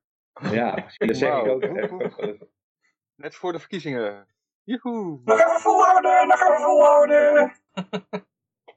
ja, nee, maar goed. ehm, ja, dus eh, Rutte, die, eh, ja, dat is de reden waarom die man uit, eh, uit, de flat sprong. Ehm, eh, Ja, ja, ik vind het woord we in de, wat? de uitspraak van Rutte. We, we hebben geen andere koos, ook door de Britse variant. Ik vind het ook mooi dat, dat de, de vreselijke variant, waar we daar allemaal eh, zo bang voor moeten zijn, de Emmanuel Goldstein van de coronavirussen.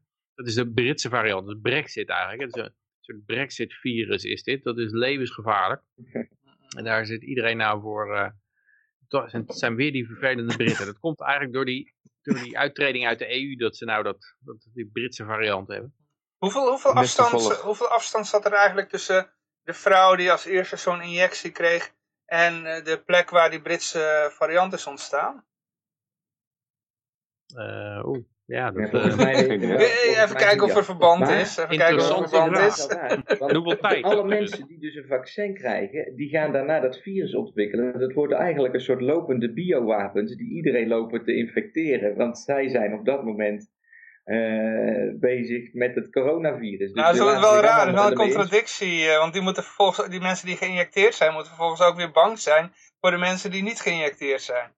Ja, volgens Ja, mij gaat ja. dat, die, die, dat mRNA-vaccin, die gaat niet het virus maken, maar dat, dat corona-eiwit, alleen maar dat spike-eiwit. Ja, ja. Niet, het hele, nee, niet het hele virus, maar dat zou nou voldoende moeten zijn als je daartegen immuniteit ontwikkelt, dat je dan ook tegen, de, tegen het echte virus immuniteit hebt. Maar wat je Eh. nogal veel hoort, is dat, dat je Maar op ontzettende dat moment is het heftige reacties kunt krijgen van het immuunsysteem.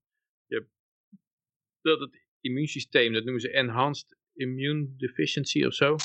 Maar dat als je, eh, dat is ook bij dierproeven gebleken die dat mRNA-vaccin kregen, dat als ze daarna met het echte virus in contact komen, dat je een enorme heftige immuunreactie krijgt, waarbij het immuunsysteem soms het eigen lichaam begint aan te vallen. En dat spul kan ook in je spieren gaan zitten en dan gaan je gewoon je spieren worden dan aangevallen door je immuunsysteem. Top. Hm. Lekker hoor. Maar wat, mij, wat, Ja. ik, hier, wat ik hier wel van even van wilde zeggen is eh, het woord we. We hebben geen andere keuze. En, en dan zegt hij ook, iedereen zal begrijpen dat er geen andere keuze is. Eh, als iedereen dat begrijpt, dan heb je dus geen lockdown nodig. Want iedereen begrijpt het. Dus eh, gaan ze dat vanzelf, blijft iedereen dan bang binnen zitten onder de tafel. Maar je gaat pas dwang gebruiken als, je, als niet iedereen het begrijpt. Dus dat is altijd het, het verhaal met de overheid. Ik weet dat Molyneux laat een keer uitlegde voor de Canadese premier. Die zei toen van, ja, eh, een nationale gezondheidszorg is een typisch Canadese waarde. Dat is typisch Canadees. Nou, als dat typisch Canadees is, dan hoef je dat niet af te dwingen. Dan hoef je geen, eh, geen concurrentie uit te sluiten. Dan hoef je mensen niet te dwingen een verzekering te nemen. Want het is typisch Canadees. En al die Canadezen die zullen dat dan typisch ook aanschaffen. Net zoals als, iedereen dit begrijpt, dan, dan, dan is er niemand die het niet begrijpt. Dus dan blij- blijft ook iedereen binnen zitten. Want iedereen begrijpt dat hij binnen moet zitten. Er zijn zoveel studies gedaan in het verleden naar hoe mensen reageren op een bepaalde boodschap. En voordat Rutte ook maar één woord uitspreekt, dan heeft hij, zo, dan heeft er een heel team van mensen precies elk woord, in ieder geval met een voorbereid van nou zo een beetje die lijn en let, let op het gebruik van die woorden, let op het vermijden Oh, ja. van die woorden. Ja. Dus Zeker. ja, Hij, hij, hij- als hij zegt, wat, hij, natuurlijk- wat er bedoeld wordt, is we hebben geen andere keuze. Dat- Dan maakt hij zo'n groepsgevoel van we met z'n allen. Net zoals een politieman zegt, waar, gaan, waar zijn we mee bezig? Of eh, dat moeten we niet willen met z'n allen. Als jij dan zegt van, ho, ik ben het niet mee eens, dan plaats je jezelf buiten de groep. Dan ben je eenzaam en alleen en gevaarlijk en je staat geïsoleerd enzovoort. En je bent gedeplatformd. En het is hetzelfde ook van, iedereen zal begrijpen dat er andere keuzes. Dat wil zeggen eigenlijk, als je dat niet begrijpt, dan ben je dom. Dat is eigenlijk, weet je, dan ben je, ben je dom of asociaal. Of eh, dat is eigenlijk de boodschap. Het is niet zo dat hij echt gelooft dat iedereen het begrijpt. En anders zou hij daar niet staan te praten. Dan zou hij gewoon zitten kijken van, hé, hey, iedereen eh, blijft binnen vandaag. Oh, kennelijk zijn ze, heeft iedereen begrepen dat het een heel gevaarlijke Brexit variant virus is. Nee, hij, hij, het, is, het is niet een, het is een, een bedreigement eigenlijk. Dat is, dat is het gebruik van iedereen hier. En dan een dreigement met aan het eind natuurlijk een stukje van hoop. Van eh, ja, er is licht aan het einde van de tunnel, komt er dan natuurlijk bij. eh, de eindstreep. eh, we gaan samen naar de eindstreep. Er is met de vaccinatie licht aan het einde van de tunnel en we gaan elkaar helpen daar te komen. Dus ja, we gaan elkaar helpen en nou ja, dit soort we, we, we, we. Ik vind die ene, hoe heet dat nou, die ene, die ene rapper die, eh, die af en toe van die filmpjes maakt over, eh, Lange Frans. nee, het, het rapper Jay of zoiets. Die, eh, Dat is ook al een rapper tegenwoordig. ja, of, of ca- cabaretier, ik weet niet meer eigenlijk wat het precies is, maar eh, hij maakt af en toe wel hele leuke filmpjes. En die had nou iets over zo'n wortel die voorgehouden werd, hè. Dus dan, eerst Hmm. eh, had je het filmpje van Rutte van, nou, we gaan groepsimmuniteit doen. Nou ja, dan zijn we daar. Ah, nee, nee, we zijn er nog steeds niet. Eh, nou moet iedereen een mondkapje op. Heeft iedereen een mondkapje op, dan denk je, nou, nou, nu zijn we er, hè. Nee, oh nee, nee, nee. dat- Twee weken to flatten the curve. Twee Ja, weken en dan- later. en Oh, dat gaat steeds niet. zo door. En dat is eigenlijk Ja. als een paard die, eh, waar je een, eh, een wortel voor, voorhoudt, Ja, zeg maar. Terwijl je Ja. erop zit met de stok. dat die, Ja, ja, als het ja. paard een stap zet, dat die wortel ook een stap verder is. Dus dan kom je Ja, eenmaal bij het vaccin en dan, ja, dan zijn we er nog steeds niet. Ja, dat, dat is ook al gezegd. Als het vaccin er is, moet je nog steeds binnen blijven, mondkapjes dragen. Maar ik heb het idee dat, de, dat het einddoel is dat mensen op een gegeven moment alles accepteren.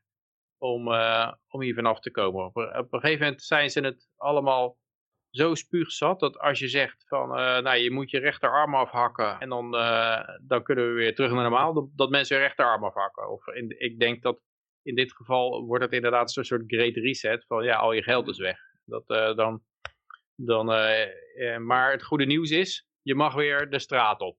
En dan denken mensen van, nou ja, tenminste iets. Want dat was eigenlijk in, ik weet, in Amerika hadden ze die drooglegging, hè, die duurde tot 1933. Precies tot het moment waarop het goud in beslag genomen werd. Dus eigenlijk hadden ze tien jaar lang, ja, je mag geen tien jaar lang geen alcohol drinken. En je mag niet bij elkaar komen in het café en eh, eh, het geheime speakeasies die verboden waren enzovoort. Eigenlijk ook mensen isoleren van elkaar, hè, want je haalt die café-functie, die haal je, daar komen mensen bij elkaar met elkaar te praten. En dan zijn ze ook een beetje beschonken, dus ze zijn wat eerlijker waarschijnlijk. En wat je dan eh, na tien jaar drooglegging krijgt, dan zeggen ze, oké, eh, daar- er is een eind aan drooglegging. Je krijgt je bier weer terug, eh, maar wel je goud inleveren. Ik denk dat dat, dat inderdaad de truc is. Gewoon, je wordt, je wordt eh, gewoon een hele lange tijd gegezeld. Op een gegeven moment ben je het, eh, ben je het zo zat. Als ze dan eh, langskomen om al je bitcoins in beslag te nemen of zo. Dan, dan denk je van nou, eh, laat me zitten ook. Ik geloof het wel. Ja, ja, ja, ja, en dan hebben we nog, eh nou ja, na deze paniekzaaierij van, eh, van Rutte, hebben we ook nog, eh, ja, hier de Groningse arts eh, die paniek aan het zaaien was.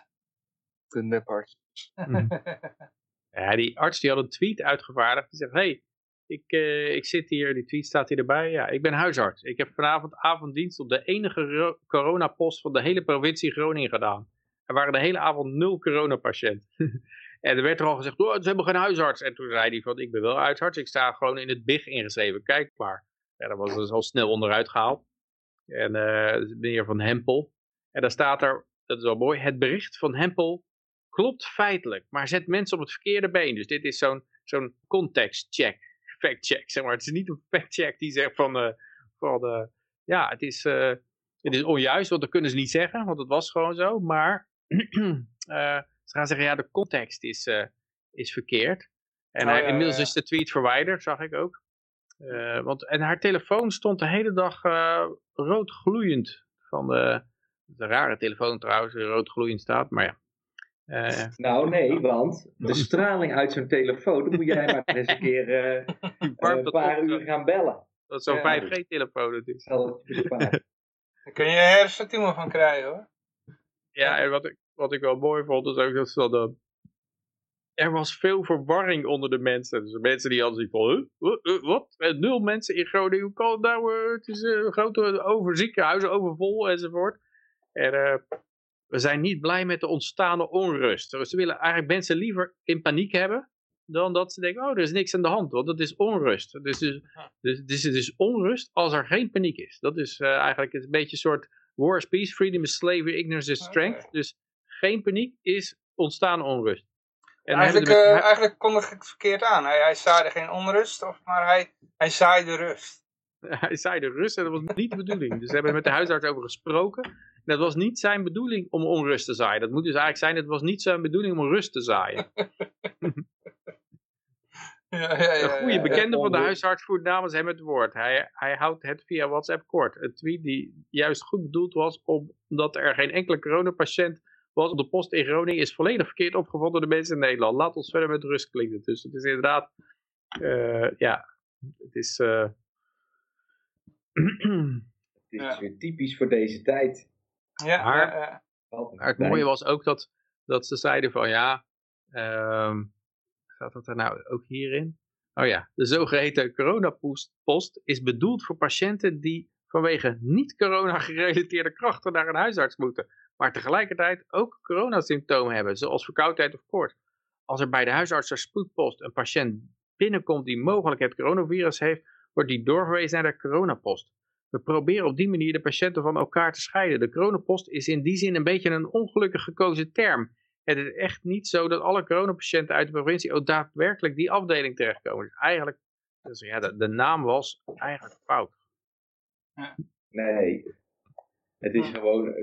in een tijd waarin er enorme tekorten zijn, weten ze ook nog eens inefficiënt om te gaan met krachten die er wel zijn. Ja, die zitten gewoon de hele tijd naar een, le- naar een dichte deur te staren waar niemand doorheen komt. Maar ja, Eh, En uiteindelijk uit verveling sturen ze een, een tweetje uit en dan raakt iedereen al in, van in paniek. Omdat er de pandemie is voorbij. Oh nee, ik weet niet zeggen. ja, ik moest Je ziet dat er bij bepaalde Ja. mensen, bij veel mensen is er behoefte aan een voortdurende verdere paniektoestand. En dat ze in een, in een soort melodrama spelen waarin de lijken je om de oren vliegen. Een soort, soort eh, eh, eh, Live Free or Die eh, Bruce Willis film of zo. Gewoon, eh, dat, dat moet het zijn. Oh, is wel leuk trouwens, het, eh, een zijspoortje. Dat Bruce Willis die liep zonder mondkapje een supermarkt in. En die werd toen, Ja. die werd toen naar buiten geknikkerd. En daarna zei hij heel, ging hij door de knieën. Het beet hij in het stof en zei hij, ja, het was een foute beslissing van me. Dus, bij de keuze live free or die ging hij voor live free, of live en not free. Ja, hij is geen echte die hoor.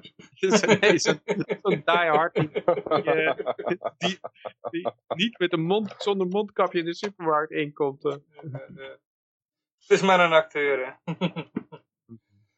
Ja, nou, ik heb hier nog twee berichten. Ik heb, ik heb, ja, ik heb al- alles in de haast gedaan. Die hadden eigenlijk achter elkaar moeten staan. En dan staan ze dus nu niet. Eh, de ene, dat, dat, dat valt onder de hashtag eh, propaganda.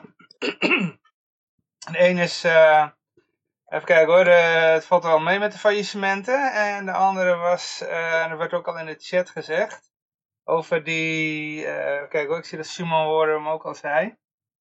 Eh, de mensen die voordringen voor een vaccin. Dus dat is creating urgency, heet dat in de verkooptermen. Maar, maar die hebben wat met elkaar te maken, die dingen? Of waarom noem je ze nou tegelijk? Nou, het allebei een beetje eh, beïnvloeding van het nieuws is. Hè? Een allebei beetje, van de NOS, allebei allebei fake nieuws. fake nieuws ja, die, die faillissementen, ja. ja, het klopt wel feitelijk. Hè? Dus, maar Ja, dat gaan we even uitleggen. Dat gaan we even uitleggen. Klopt feitelijk, dat denk ik, maar het is zo dat Dat ja. is gecreëerd. ze kunnen Ieder- gewoon de rechtbakken dichtgooien en dan gaat er niemand failliet. Of, eh, de, de, dat dan Nee, zitten nee, ze gewoon in de pijplijn. Nou, kijk, iedereen, al die, al die mensen die eigenlijk dus failliet hadden moeten gaan omdat hun zaak dicht is, die zitten allemaal thuis met een NOW-uitkering.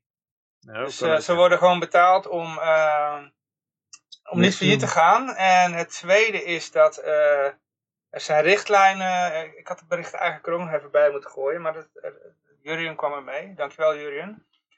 Die kwam nog even met een berichtje waarin dus staat dat de deurwaarders en al die lui die te maken hebben met een faillissement en zo. Eh, hun is dus eh, eh, aangeraden om dus vanwege de situatie even af te zien van strenge naleving van de, de gebruikelijke stappen, zeg maar, bij een faillissement. Hm. Ja. Dus zodoende wordt eigenlijk het faillissement wordt, uitgesteld. En ja, mijn vermoeden is dat dat wel tot na de verkiezingen uitgesteld zal worden. Zodat ja, in ieder geval VVD zichzelf op de borst kan kloppen van Mhm. kijk eens. Valt heel Goeie, erg mee met de cijfer, goeie faillissement. cijfers, goede cijfers. En Ja, die wat tweede? Ja, die tweede is, eh, ja, dat noemen we creating urgency. Hè? Dus eh, voordringers bij de, bij de vaccinaties. Eh, kijk, ik zal even het exacte bericht erbij halen. Eh, even kijken hoor. Vaccinatievoordringers. Hey, we hebben een nieuw woord. We hebben een nieuw woord. Nieuw woord van het jaar. Eh, vaccinatievoordringers zorgen voor wacht, eh, wachtlijsten. Ja. Dus dat, eh, dat noemen ze de verkoop creating urgency wordt noodzaak eh, gecreëerd. Dus eh, wat, wat ik wel eens deed, bijvoorbeeld als ik eh, in de horeca iets aan de man wil brengen. Dan zeg ik, nou, dit, dit, deze omelet, is, die gaan echt als, als, als, warme broodjes over de toonbank. Dat, zodat mensen denken, oh, dan is, moet het wel heel lekker zijn. Nou, doe mij ook maar een omelet, weet je wel. Het zijn gewoon warme broodjes. Of warme broodjes, ja. ja, dus je, je werkt, wat, wat we ook wel eens deden is van, eh, dan heb je heel veel schappen, maar dan heb je één product die je niet zo goed verkoopt. En haal je eigenlijk een paar van weg, zodat je dan, eh, je hebt alles netjes op een rijtje staan, alles mooi gespiegeld. Alleen eh, daar ergens zie je dan een gat in dat er al een paar flesjes weg zijn. Zodat mensen automatisch daar naartoe lopen en die pakken dan nog eentje weg. Want die denken, hé, hey, die, eh, die vinden mensen lekker. Snap je? Ja, je kan het ook nog in de letterlijke zin van het woord eh, nemen. Want ze zeggen voordringers creëren wachtlijsten. Maar dat is natuurlijk logisch, hè? Want als iedereen het gewoon tegelijk zou krijgen, dan, Ja, zou, ja. er hele- dan is er ook geen wachtlijst. Maar dan zegt er iemand, nee, ik wil eerst. Dus ja, dan maakt hij de wachtlijst op dat moment. Ja, of zo'n eh, Black, Black Friday moment, weet je wel. Zo'n Black Friday moment creëren. Eigenlijk maak je alles duurder, dan, eh, maar je wekt het idee dat alles in de aanbieding is. En dan zie je in één keer, eh, soms huren ze mensen dan wel eens acteurs in, die dan maar allemaal over elkaar heen gaan duiken om bij die ene tv te kunnen komen. Terwijl het allemaal maar in scène gezet is. Zodat mensen denken, oeh, dan moet ik er ook eentje halen, weet je wel. Ja, Ik denk ook al bij die Apple nieuwe iPhone 11 of zo. Dan staan er mensen met tenten, 12. staan buiten de zaak om, om een, eh, zo'n nieuwe iPhone te krijgen. Want Windows was vroeger ook. Gingen de hekken open en er zag een heel enorme storm mensen. Die gingen dan een doos met Windows kopen. Windows ja. XP. ja. Windows ME, weet je die nog? Ja. Je zal daar maar voor gerend Edition. hebben. Voor Windows. ME. Heb ik nog drie, vijf dagen voor de winkel gelegen.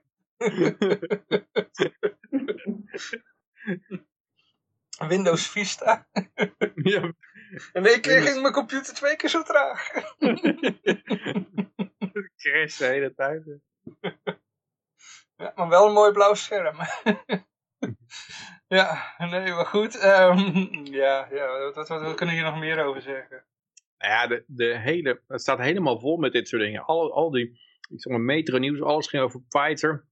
En eh, op nu.nl alles over Moderna. Maar die zag ik nou ook weer Pfizer dingen komen. En ja, het is gewoon van een of al, ja, je, mocht, je kon er meer dosissen. Er worden allemaal van die flut nieuwsberichtjes van. Ja, Nederland kan wat langer doorspuiten omdat Pfizer iets te veel vaccins gestuurd heeft. Hup, weer een nieuwsberichtje.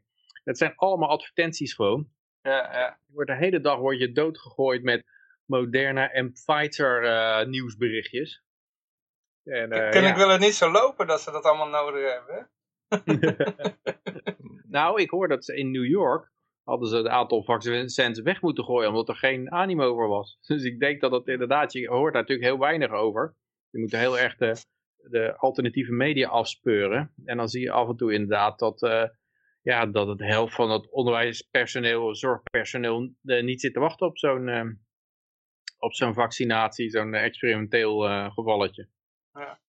Dat is wel raar, want dan in de, in de, volgens mij ergens in de mainstream media heb ik voorbij zien komen het tegenovergestelde. Dus, eh,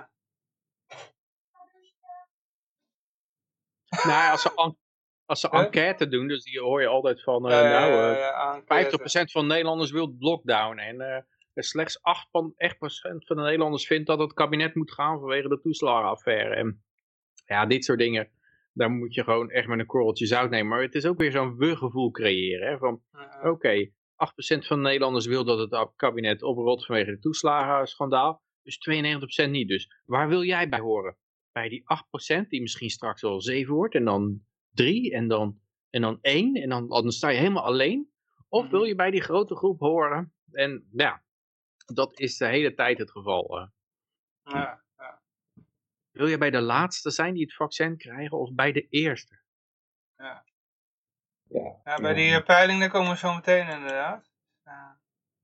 Maar eh, ja, we hebben hier ook nog, eh, ja, het leed wat corona heet is nog niet voorbij jongens. Want ehm, hier nog een berichtje van onze zuidenburen. En nog negen jaar, hè? ja, dat gaat Oh, toch wel, eh, zo- Agenda 2030. Het gaat net zo lang duren als het kwartje van Gok, vrees ik. eh. Nou ja, als het 10 jaar zou zijn, zou dit zoiets als de drooglegging zijn zo lang. Eh, Dus in 2030 dan krijg je gewoon die enorme vreselijke gifpil. Waarbij je zegt van oké, doe maar dan. Ja. Eh, Een buurtbewoner eh, belt politie omdat klasgenootjes van Vins eh Vins welkomen na, strij- na zijn strijd tegen kanker. Eh, ouders eh, reageren met eh, we zijn niet kwaad op die persoon. We zijn woedend. nee, we zijn niet kwaad, we zijn woedend. Het is kwaad gewoon helemaal... Kwaad is hier niet het woord voor. Ja, dat was gewoon public Woord- shaming. Public shaming was het. Ja, ja. Het was echt een, eh, een, een, dat bericht dat ze hadden geschreven, stond, ik weet niet of je het gelezen hebt. Nee, nee, eigenlijk niet. Nee. Ja, ik heb het wel, ik heb het ergens voorbij zien komen. En, en er was dus gewoon van, nou, eh, degene die dit voor elkaar heeft gedaan, het was helemaal uitgelegd dat die kinderen stonden dan samen, want die waren toch nog jong. En de ouders stonden aan de overkant van de straat, allemaal op anderhalve meter afstand van elkaar. En, en had er dus toch nog een buurman eh daar voor de politie gebeld dat het een samenkomst was en dat het allemaal niet kon. Nou, en toen, of het nou, dat, ja, of het nou is doorkijken, dat kind komt toch terug op het, moment, dus weet je wel. Dus waarschijnlijk stond de politie er dan ook bij. En, eh, nou ja, dus, en dan werd er hartelijk bedankt voor eh, de gezellige burenliefde en dat soort dingen werd er allemaal extra dik opgelegd. Maar dit was in... in Enorme burenliefde, behalve van buurman Jansen die de politie belde. Dit was in België, dacht ik, dat het gebeurde. Ja, ja, ja, Ik geloof in België, ja.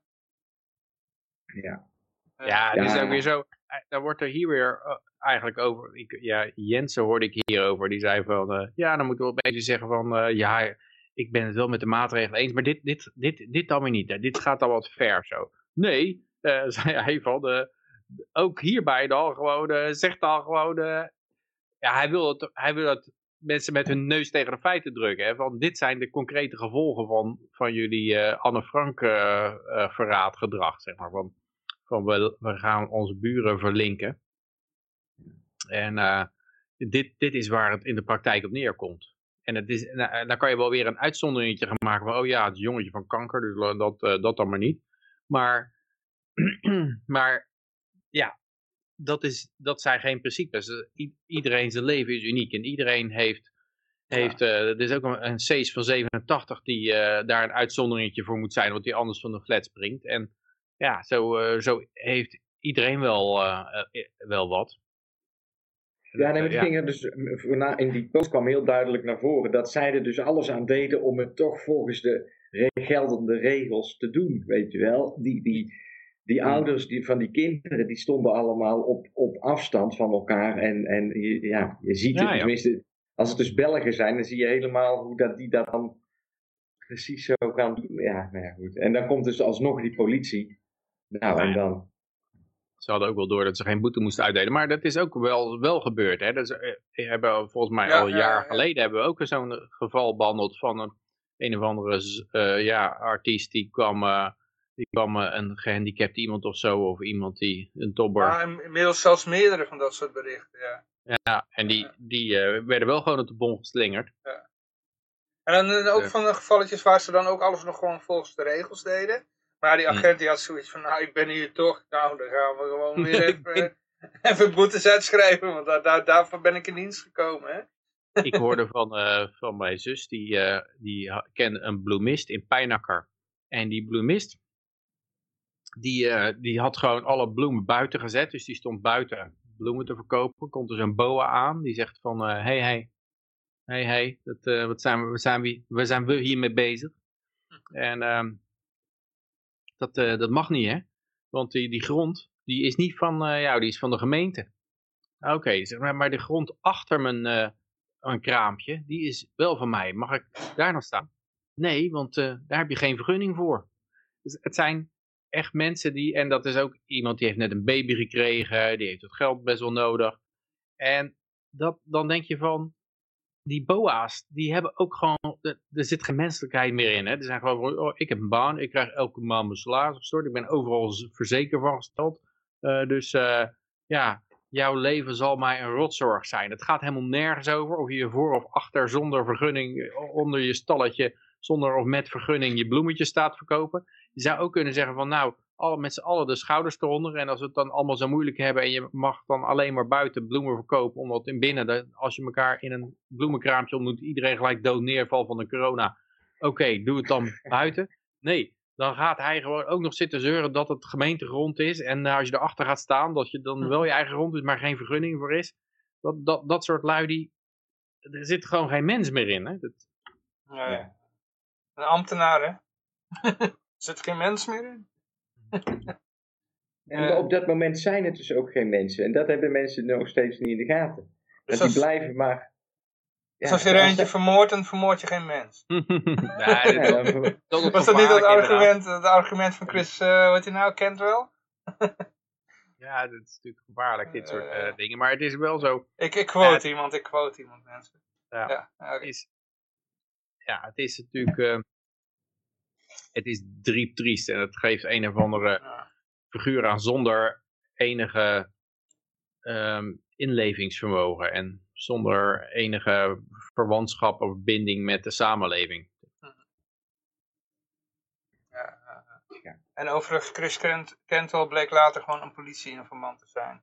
Ja, is het al... eh, Nou, dat is wel overduidelijk, toch? ja, ik heb het niet zo gevolgd, maar hij is ook een keer gearresteerd vanwege ja, ja bij, informant, bij Charlottesville of zo. Of, eh, Ja, ja, ja, klopt, klopt. De crying nazi. Maar hij was eerst een eh, doorgeslagen libertariër en even later was hij een crying nazi. Ik bedoel, eh ja, mensen... maar, ja? maar is hij toen gearresteerd en in de gevangenis gezet of is hij al vrij? Of, ja, hij is eh, volgens mij wel in de bak gekomen, ja. ja, ja. Ja, dan zal hij geen informant zijn, toch? Nou ja, kijk, een informant is eigenlijk iemand die een gevangenisstraf boven het hoofd krijgt. Maar die zegt, als je met ons meewerkt, eh, als informant, dan eh, hoef je niet de bak in. eh, Hoef je de, ja, daar hoef je niet de bak in. Dus eh zodoende is eerst bij de libertariërs terechtgekomen. En toen mensen al snel door hadden, oh, dat is een informant. Is hij overgestapt naar, de, naar radicaal rechts. Oké. Ja, ja. Die hadden dat niet zo goed door. Ah, weet ik niet, weet ik niet. Nee, Die moeten nog wat, wat leren op dat gebied. Ja, ja, ja. Nou ja, er zijn nog steeds, ik, ik, ik hoor nog wel eens... Nog voordat steeds- ze een app gebruiken, zoals Parler, dat ze heel goed moeten kijken waar die vandaan komt, wie erachter zit en- enzovoort. Ja, ik hoor nog wel eens, van, ik zeg het nu wel hoor, maar ik, ik hoor nog wel eens mensen in onze kringen die nog wel in eh, Kent wel geloven. Dus, eh, ja. Oké. Ja, ja, ja. dus eh, als je er een andere mening over hebt, laat het weten in de chat of op de Telegram groep. Ehm, Tijdens deze uitzending is het al opgelopen, het Biden-plan van anderhalf trillion naar 1,9 trillion. Gewoon, eh, het lijkt de bitcoin wel. ja, ja, ja. Echt eh, redden hoor. De moeder alle bubbels. Ja. ja, zou Bank of America nou ook waarschuwingen uitgeven dat Bidens plan de moeder alle bubbels is? Was dat dan weer niet, denk ik. Eh, eh, eh. Maar we komen bij de peilingen. Eh peiling. Ja, ja, ja, dat moet je altijd met de korreltjes uitnemen. Eh, wel consequenties, maar. eh, Sorry, wel consequenties, maar kabinet kan blijven zitten na de toeslag, eh, na het toeslagrapport. Nou, Asscher. Asscher moest wel opstappen. Kijk, Of uit heb zichzelf hier, opgestapt. eh. hier is mijn Himalaya zout, heb ik toevallig. Wauw. Is dat ook goed? De elefant. Korreltje, neem maar een korreltje. Een hele bus. De hele- Voor dit bericht heb ik de hele bus nodig. En zelfs Himalaya zout. eh. ja, wie Ja, dit is weer zo'n... eh, kijk, Willem-Alexander die krijgt dan een, eh een peilingje te horen van... Hé, hey, Willem, hè, op vakantie gaan tijdens de coronacrisis. En eh, Oei. zeggen dat het eh, fake nieuws is, die hele coronazooi. Hier is een enquête. En eh 51% hè, je, bent eh, aan het afzakken naar de vergetelheid. En, en, de, en het kabinet zelf, die krijgen dan van de, ja, de toeslagenaffaire... gewoon de mensen helemaal de vernieling in geruineerd. En dan, eh, nou ja, ja, ah, hier is ook een enquêtetje. We hebben een enquête gewonnen. En eh, nou, 8% die wil dat, eh, dat eh, wij weggaan. De meerderheid, overgrote meerderheid wil, blijven, wil dat we blijven zitten. Want eh, ja, ze zijn dol, dolgelukkig met ons. Ook natuurlijk omdat het land onder attack is. Hè? Het land is onder attack van corona. Dus eh, deze, dit is eigenlijk een soort defensie, is een oorlogskabinet eigenlijk. Ja. Nou, ik denk wel dat het een beetje meespeelt. Dat zo'n crisis, dat dan eens iedereen achter de leider gaat staan.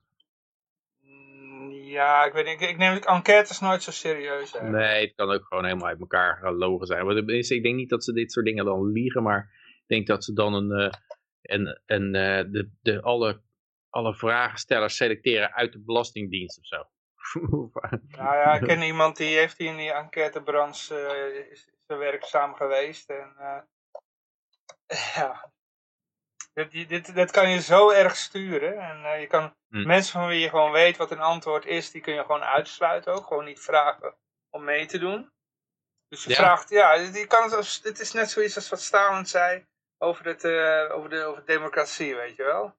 Hm. Het is, uiteindelijk gaat het om degene die het allemaal moet tellen. Nou, die kan alle kanten mee opgaan, ja. Ja, ik heb ook gehoord, zo iemand die kreeg zo'n in Amerika zo'n enquêtebeller aan de telefoon. En die enquêtebeller probeerde eerst uit te vinden welke politieke richting die eh, had. eh. Ja. en, en dat is natuurlijk niet de bedoeling dat je dan... want da- dan ga je... en, en die had gewoon echt gehoord om na een bepaalde vraag, eh, een bepaald antwoord daarop, om dan alle formulieren van die persoon weg te gooien. En, dat, en die, die persoon die, die, die eh, dat telefoontje kreeg, die vroeg dat ook letterlijk. Die vroeg dat gewoon aan die, aan die dame die vragen stelde van, eh, ben je geïnstrueerd om het enquêteformulier weg te gooien als ik nee op deze vragen antwoord? En toen zei hij ja, inderdaad. En die gaf het gewoon toe. Dus ja, zo gaat dat dan. denk ik. Ja, dat, ik, neem dit gewoon niet serieus. Die, dat, die, ah, maar die peilingen, ja, ik bedoel, kom op. Dat zegt ook helemaal niks. Ik bedoel, Rita Verdonk, die heeft, eh, wat was het, die stond op 300 zetels of zo? Waar was zij uiteindelijk? 3000. 3 miljard. Nou ja, gewoon het het nadeel aantal van die... corona- coronabesmettingen kon naar de miljoen gaan. Ik denk, het gaat, het gaat waarschijnlijk nog een keer over de 17 miljoen heen, denk ik. Het aantal coronabesmettingen in Nederland. Eh, ja, ja. ja. Eh, Inmiddels zijn er 20 miljoen eh, besmettingen. En, eh, als je dan vraagstekens gaat stellen, dan ben je een wappie. Maar wat wil je zeggen, Lucas? Nou ja, dat met die... Ja, misschien moet ik er gewoon niet te serieus op ingaan. Maar dat Mag, van die peilingen... Daar, daar wordt inderdaad wel eens een keer van gezegd van... Oh, oh ja, dat kan ook bedoeld om een beetje mensen in de goede richting te sturen. Dat je door underdogs te creëren mensen richting partijen krijgen die dan in die peilingen niet goed scoren. Maar het is gewoon verrekte lastig eh, als mensen toch pas op het laatste moment in het stemhokje bedenken, of tenminste kort daarvoor bedenken van wie ga ik stemmen, om, dat twee jaar van tevoren te, te voorspellen. Dus deze Ja. voorspellingen hebben überhaupt helemaal geen zin. Het is gewoon van een groep die al weet wat ze gaan stemmen en, en daar zie je het resultaat van, maar niet de groep die bij die stemhokjes komt. Dus eh, daarom zitten jullie er wel eens een keer naast, maar ja, op zich. Ah, ik weet niet of je nog Dus weet wel- van 2012. Toen, dat is echt expres, ja. Daar had ik heel, heel duidelijk het gevoel bij van eh, dat ze een bitchfight creëren, weet je wel. Tussen eh, VVD en PvdA, weet je nog? Dus toen Oh ja, dat PvdA toch nog heel veel won, was dat. Ja, ja, ja, Die twee die trokken alle stemmen naar zich toe. Want de een, die groep, die was bang dat VVD te groot zou worden. Dus gingen ze maar kiezen voor de, de, de beste, tenminste de linkse partij die het meeste kans maakte op veel zetels. En tegenwicht te kunnen bieden tegen VVD. En ja, nou ja, goed, dat, dat noemen ze dan ook weer, dat noemen ze dan in de, in de marketing noemen ze dat een bitchfight. Ja. Ja. Ah, dat was tegen de instructies inderdaad, wat toen eh, gebeurde. Maar eh, ja. ja, het, En dat wat kan ze dus toch ook wel. vaak doen is bij de democraten gebeurde dat, dat ze dan bijvoorbeeld eh, die eh, Elizabeth Warren langer in de race hielden om, om de Bernie Sanders vote te splitten of zo. Dus dan, Eh, dan door die te, te splitten tussen Bernie en, en, en Elizabeth Warren. Dan, ja, dan komen ze bij dit en worden ze getrapt afgevoerd, zeg maar, ge- gestaggerd. Ja. Ja. Eh, eh, eh. Even kijken, maar we gaan... Oeh, jongens, ik, eh, even kijken hoor. Ik ben helemaal kwijt waar we waren. Even kijken hoor, peilingen. Akkoord, akkoord, akkoord. Er is ergens een akkoord, jongens. En waar zal dit akkoord over gaan? Wacht even, ik haal even, even, even de voicemail erbij. Oh, dat... Mailwormen zijn onderweg richting ons boord. Wat dat ook? ik wilde het heel mooi aankondigen. Nog een keer. Oh, de mailwormen. Ja, ja, ja, ja. ja. De mailwormen zijn op komst. Ja. ik vind dat leuk, hè? Wil je weten welke Cool. gekke stemmetjes ik allemaal heb, joh? Hier, hoor. Komt ie, hoor. De mailwormen komen eraan. De mailwormen komen eraan. De meelwormen komen eraan. Mail. De mailwormen komen eraan. Ja, jongens, nou, hebben ze allemaal gehoord? ja, de insecten komen op ons bord. Hè? Dat is al heel lang door, eh, door Peter, eh, door Peter B. eh, voorspeld. Ja, ik heb het ook weer een beetje uit de No Agenda show gehaald, waar ze dat ook eh volgen. En eh, ja, het is natuurlijk de bedoeling dat de onderdanen steeds goedkoper gaan eten. Ja. En ja, vlees, dat is allemaal luxe, dat is nergens voor nodig. En minder milieubelastend. belastend hè? Dat is... Ja, minder ja, groener enzovoort. Maar ik denk dat dat een beetje een voorwensel is. Je moet gewoon de kosten onder de 1 euro per dag weten te, te persen. Ja. Dat is gewoon, wat het rare is altijd dat die, die communisten die zeiden altijd van ja, wat er gebeurt onder het kapitalisme is dat de, de ondernemer, die inmiddels de kapitalist, die winst wil maken, die gaat eh, de werknemer zo weinig betalen dat hij nog maar net kan overleven. En de rest is allemaal winst voor hem, zeg maar. En dat, en dat is juist wat er bij de overheid gebeurt. De, juist de overheid die kan je Ja. belasten tot je nog net kan overleven. Omdat ze eh, ja, ja, de drempel om uit te treden uit een land is gewoon heel hoog. En het, het is nou misschien wel bijna onmogelijk geworden. En eh, ja, dus je zit helemaal vast. Dus je moet alles wel accepteren. En het wordt allemaal met geweld opgelegd. Je hebt geen keuze, het is een monopolie. Dus inderdaad, ik denk dat ze, de, dat ze die, ja, misschien bij die Great Reset, dat ze aan het eind zeggen van, nou, ja, je, je mag weer naar buiten toe, maar eh, ja, de supermarkten zien er wel wat anders uit. eh.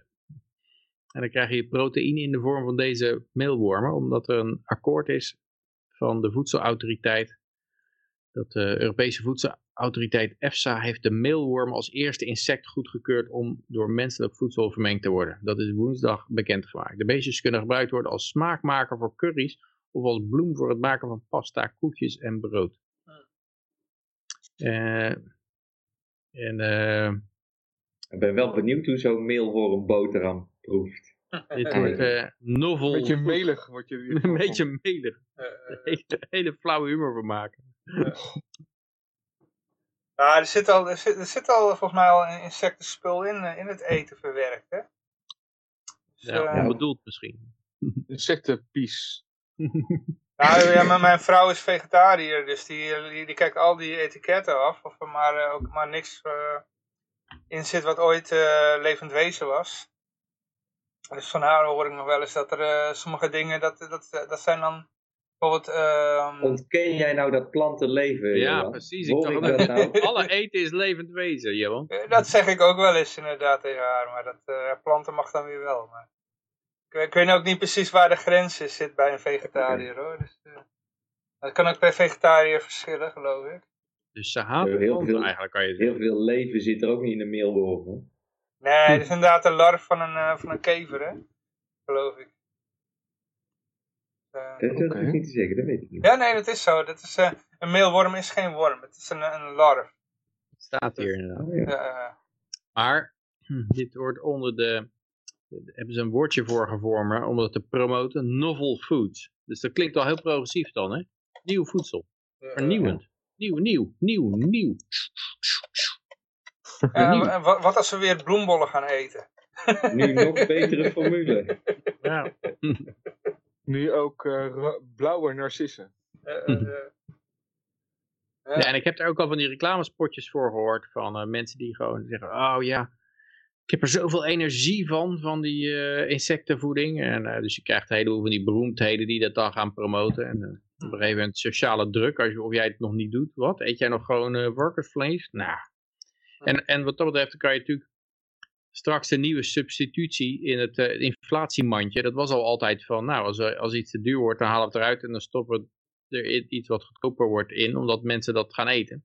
Dus dat eh, straks dan wordt jou, nadat je biefstuk was vervangen door eh, kip, eh, wordt het kip vervangen door insectenproteïne.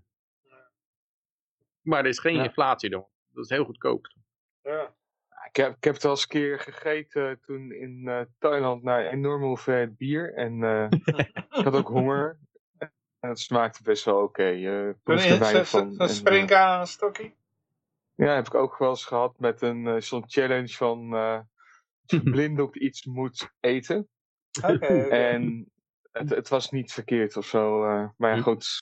Waarom eh, insecten eten als je ook eh, andere dingen kan eten die prettiger eh, textuur hebben? Ja, Ja, eh, het is natuurlijk eh, cultureel bepaald, want de garnalen zijn eigenlijk ook een soort zee-insecten. Dus je kan zeggen, van, ja, het is gewoon maar wat je aangewend bent. Maar ja, eh, ik denk dat de meeste mensen er toch niet zo heel vrolijk van worden. nee. Het is een beetje leventraan. Maar na een Ik ben enorme benieuwd Jij zegt Peter dat het, dat het goedkoper gaat zijn. Of tenminste dat het goedkoop moet wezen. Maar ik ben benieuwd wat nou, als je dan zo'n eh mailboterham eh, moet gaan kopen, wat het dan moet kosten. Nou, jij denkt dat ze het heel duur in de markt gaan zetten als Ja, exclusief misschien wel. Ja. Net als eh, al die bio-producten, dat het zo naar hard... Ja, ja. Ik denk dat ze dat in, misschien in het begin doen om mensen over te halen. Van kijk eens, dit is wat eh, de rijken eten. ja En, de eh, elite. En de elite, die- hè, net, net als een blikje Red Bull, weet je wel, wat heel duur wordt gemaakt. En eh, terwijl, ja, een blikje XC is eigenlijk precies hetzelfde spul. Alleen dat is dan voor, eh, voor het plebs, weet je wel. Hm. Ja. Ja, dat het dan langzamerhand ook voor de gewone man beschikbaar wordt. Net zoals met de vaccins. Eh, dat iedereen loopt te dringen om, om deze overpriced novel foods te kopen. Maar dat, dat de ministers erover praten wie er als eerste recht op heeft. En wie er voorrang moet krijgen. En dan uiteindelijk dat er dan eh, de massa bediend wordt. En dat iedereen novel foods kan eten. een vooruitgang, hè? Ja. Ja. Hm. Inderdaad. Ja, ja de- wat me nu dan ook opvalt hiermee, eh, moest, moest ik me in één keer bedenken, is toch wel weer dat China eigenlijk nu ook ons menu gaat bepalen, hè? ja. China is toch gewoon heel nee, dan- toch? Dan laten wij ons menu bepalen als dat zo is. Ja, ja, ja. We bepalen het verdorie zelf wel. Eh, hm. Ja, ja, ter- terwijl, terwijl, tenminste als je insecten eet, dan kan je in ieder geval zeggen, kijk, ik eet nu Chinees, weet je wel. Maar dat gaat ook een beetje, want jij je draagt dan weer wel een mondkapje toch, Lucas? Als je Eh, het dan door uiteraard. jezelf wel bepaalt. Kijk, Ja, Ja. zeker. FFP3. Dus, ja, nee, klopt. Ga verder. nou, omdat je dan het toch ook niet helemaal zelf bepaalt. Ik ben vandaag met een mondkapje à la Yoshi naar de supermarkt geweest. Oh, serieus? Laat hem eens gaaf. Ja, dat zal ik hem even halen? Ja, hij is, eh, ik heb hem beneden. Oké. Kunnen wij in ieder geval eh, alvast even Ja, naar de... moeilijk over dat mondkapje, Yoshi. Je moet eigenlijk gewoon van die, om- van die fladderende dingetjes zo, weet je wel. Als je dan praat, dat het zo'n beetje wappert. Gisteren ja, in de ik- garage heb ik wel eh, zonder mondkapje daar gestaan met iedereen die daar werkte en nog een andere gast. En het was wel weer aangenaam genoeg om mensen zonder mondkapjes eh, te spreken. En ik leef nog steeds. Ja, Ik zit nog steeds te overwegen. Ik zit al heel lang te overwegen zo'n Darth Vader masker te halen. Maar het komt er maar steeds niet van. Darth Vader van Star Wars. Oké. Welk met waar die enge geluiden uitkomen, van die Ja, ja. ademgeluiden. zo. Ja, ja, Dat ja. echt mensen gewoon helemaal eh bang worden. Deze? Oh, Oké, even moet je even dichter bij de camera komen hoor. Echt dichter naar de camera. Oké, nou, dat is geen kippengaas toch? camera. Ik, Ja, Nee, dat is- echt niet, zo, niet zo erg als die van eh, Yoshi, nee. Er zitten wel grotere gaten in. Ja. Ah, Oké, oké. maar wel legal. Legal? Je weet er niet uitgeflikkerd? Nee, ik ben er niet uitgeflikkerd, nee. Niemand zei wat? Maar ik moet wel zeggen, ik vind het een beetje een vervelend ding, want hij, hij heeft de neiging gewoon helemaal tegen je ogen aan te gaan zo. Ah, ja, Nog ja. veel irritanter. Kijk, En ik heb toch weer de neiging om dan zo te gaan dragen. Ja, ik vind het nadeel altijd van mondkapjes dat mijn, mijn bril dan beslaat, weet je wel. Nou, dat heb je hier niet mee met deze. Ah. Daar heb je spray voor overigens, eh, die voorkomt dat het gaat eh, beslaan. Voor Ja, of in, de meeste insmeren, glazen werkt dat wel goed. insmeren met eh zeepsop, hè? net als de bron- bronfietshelm, zeg maar. Oh, dat kan ook inderdaad. Ja, Ja, Maar we zijn bijna aan het einde toe en eh, we zijn al eh, volgens mij al dik een twee uur bezig. Dus eh even kijken, oh ja, we zijn twee uur bezig. Het is wel eens tijd ook, zeg je. Ja, ja, ja, ja, ja. We gaan even naar de gemeente Utrecht, want daar is een, een gracht die, ja, normaal gesproken zou je zeggen, de grachten worden gedempt, maar in Utrecht hebben ze het tegenovergestelde gedaan en dan komt, komt er wel eens van alles naar boven drijven. Als je zo'n, Onder andere nazi's komen er naar boven. ja, inderdaad een nazi naar boven komen drijven. Ja, tenminste, ik moet zeggen, ja, ik, ik heb hier een beetje gemengde gevoelens bij hoor, want het is een beetje, een beetje flauw eigenlijk. Want dit is eh, inderdaad er in, rond de, in de jaren 50 Oh, is die gracht gedempt. En er is een Duitse, een Duitse voor, dat, Duitse deskundige is erbij gehaald. En ja, in die tijd was iedere Duitser die zat bij de NSDAP, weet je wel. De- Mhm. Een verkeerskundige. ja. Bedoel, iedere Duitser, daar kon je wel een natieverleden bij Nou ja, eh, daar gaat het mij ook niet bespeuren. zozeer om. Want, nou, maar de gemeente Utrecht maakt er Ja. een hoop heisa van. Nou, van ja, dat blijkt een nazi te zijn geweest die, dat, die de dingen gedempt heeft. Maar ik denk dat het aan de orde komt, omdat de historische singles die moesten gedempt worden. De- en dat wat er ook bij staat van, eh, ja, ze wilden ook de, kijk hoor, ze wilden gewoon echt die hele mooie singles wilden ze, Nou, wilden ze dempen. er is wel eh, wat meer moois eh, is er naar de vlakte gegaan daar hoor, voor Hoge Katerijnen. Dat is een heel mooi stuk Ja. daar, hè. Dat hebben ze allemaal, die, die links, eh, wat was het, die SDAP. die PvdA, die heeft er een heel mooi, een heel mooi stukje Utrecht tegen de vlakte gegooid. wilde je zeggen. nee, de SDAP. Sociaal-Democratische Arbeiderspartij. Voorlo- Voorloper van de PvdA. Ik weet Die niet, maar hebben- N- NSDAP zeiden. Ja, Ja. ja, ja. Maar die hebben, die hebben een heel, heel mooi stuk Utrecht tegen de vlakte gegooid. eh, weet je wel, voor, die, eh, voor de vooruitgang, zeg maar. Ja, Ja, dat is- was die tijd gewoon. Ja, het was die Ja. tijd. dat Ze hebben bijna ook de, de Delftse binnenstad tegen de vlakte gegooid. En Men had totaal geen besef dat dat uniek was. Ja. En eh, ja, dus eh, Jan Terlouw, die was destijds eh, ja, ook in eh, er erg tegen. Het project kost 150 miljoen gulden, ondanks felle protesten van een deel van de bevolking. En eh, ja, daar hebben ze, hebben ze die, eh, onder andere die single inderdaad ge, dichtgegooid. Maar nu wordt hij dus weer opengegooid. Dus nou gaat er weer, een hele... Waarschijnlijk is dat de reden dat ze hebben gaan zitten kijken... wie heeft er eigenlijk voor gezorgd dat dat dichtgegooid is. Oh, eh, en toen kwamen ze die nazi tegen. Maar ja, het is wel apart dat de overheid... die is er dus om eerst 150 miljoen gulden bij je af te nemen... om de singles dicht te gooien. En daarna weer geld bij je af te nemen om ze weer open te gooien. Dat is eigenlijk mijn... eh, ja, die beslissing Punt. voor die eh, renovatie van, eh, van Utrecht, dat was al veel langer geleden was dat gemaakt. Ik moet nog zeggen, toen die beslissing gemaakt werd, stond Utrecht nog maar een paar miljoen in het rood. En inmiddels staan ze een miljard in het rood. Dus ja, heeft gewerkt. het heeft gewerkt, ja. ja, ja.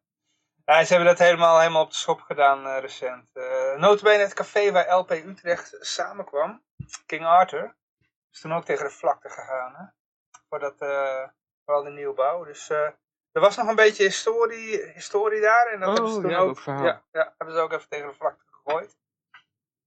Dus Hm. eh, ja. Heb jij een speciale band mee? Ja, ja, ja, ja. Nou ja, wij kwamen daar samen. Het was een heel leuk café. Ja. Het zat gewoon pal achter het station. Dus, nou. Bier was goedkoop. Wat wil je nog meer? Ja. Dus ja. Nee, wacht even. Niet King Arthur. eh, ik weet het niet meer. We, we kwamen in ieder geval later. Gingen we naar de, naar de binnenstad. Volgens mij was dat King Arthur. En daarvoor was het de andere. Ik, ik weet het nog niet meer. Het is zo lang geleden. Weet jij het nog, Peter? Wat? Eh, de, de, de kroeg waar wij eh, kwamen voordat we naar de Oude Gracht gingen. Ja, we zijn wel eens bij eh, Karel 5, Karel 5 geweest, geloof ik. Ja, nog voor Karel 5. We zaten op zo'n hoekje tegenover die moskee. Ah, een moskee? Oh. Ja, je had die blauwe daar- Daar was moskee. ik niet bij geweest, geloof ik. Ah, oké, oké. Dat was weer na Olivier. Hmm. Toen hebben we een tijdje hebben we schuin achter het station gezeten. Dolende. Oké, oké, ja. Dolende zijn.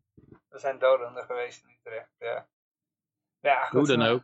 Ik ja. vind het eh, ja, een beetje een verspilling van geld om het eh, Ja, eerst ja, dicht te ja, gooien en dan weer open te, te maken. ja. Ja, maar hebben ze in Breda hebben ze dat ook gedaan? Eh, Amersfoort dat- ook. dat is op een gegeven moment is het, op- is het dichtgegooid en dan hebben ze toch weer besloten om het terug te brengen. En het punt is, als het eenmaal weer water is, dan is het wel vaak leuker als dat het autoweg is. Dus Ja, ja de, de, de autoweg loopt nou onder de gracht, hè? Dat is wel En- mooi. Het is wel echt mooi gedaan. En eh, ja, boven de grond ben je blij en onder de grond is het ook echt super, want het rijdt lekker door. Dus eh, win-win. Alleen het kost wat, hè? Ja, ja. Mm, ja. Terwijl, ja, dus er eh, komt er over 30 jaar wel een stroming die zegt dat al die oude binnensteden gewoon gesloopt moeten worden. Omdat ze niet energiezuinig genoeg kunnen gemaakt worden, die woningen. ja, ja, ja, ja. En gaan we gewoon binnensteden slopen en eh, bouwen er gewoon moderne Hongkong-achtige flats eh, Ah, om, om alle onderdanen te kunnen huizen. Ja. Wie weet. Van die communistische woonblokken, zeg maar.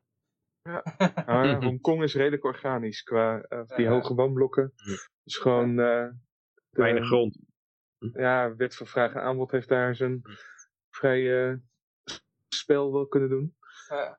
Is dat. Wat dat betreft zie je in Kiev ook een hoop van die troosteloze communistische eh, iets van, nou we moeten gewoon eh, zoveel units neerzetten waar een minimale unit waar de werkers in kunnen overleven.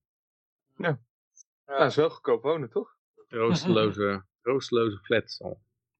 Ja. Ja, maar goed, hoeveel heb je over voor wonen? En als dat binnen jouw prijsklasse past, ja, dan heb je in ieder geval onderdak. Het is nog geen zo'n slechte optie. Ja, maar ik denk in een volledig eh, kapitalistische maatschappij, daar zou je toch wel krijgen dat je hele mooie woongelegenheden eh, gaat krijgen voor eh, heel weinig geld. Ik bedoel, eh, ligt aan hoeveel je kan bouwen. Want Hongkong dat heeft dus altijd het probleem gehad van eh, kleine oppervlakte waar je echt kon bouwen. En, en daar ja, maar dan ga je op een gegeven moment, ga je net als in Dubai, ga je ook in de zee bouwen. Ja, dat was zo- zoals Hongkong, de overheid in Hongkong zijn geld eh, verkregen. Want ze, waren, ze hadden geen hoge belastingen, maar ze verkochten land Ja. eh, in de zee, zeg maar. Wat, eh, om, om daar dan op te bouwen. Ja. Maar eigenlijk houden ze, de Hongkongse overheid hield het ook wel kunstmatig schaars. Omdat het hun bron van inkomsten was. Dus ze konden niet Ja. eeuwig land blijven verkopen. Ja, want ze, Nou. ze hebben best wel veel groen, hè. Maar dat komt natuurlijk ook omdat er heel veel, een stukje berg bij zit, hè. Ja, daar, daar Ja, maar kan, daar kan je je moeilijk ook op op bouwen.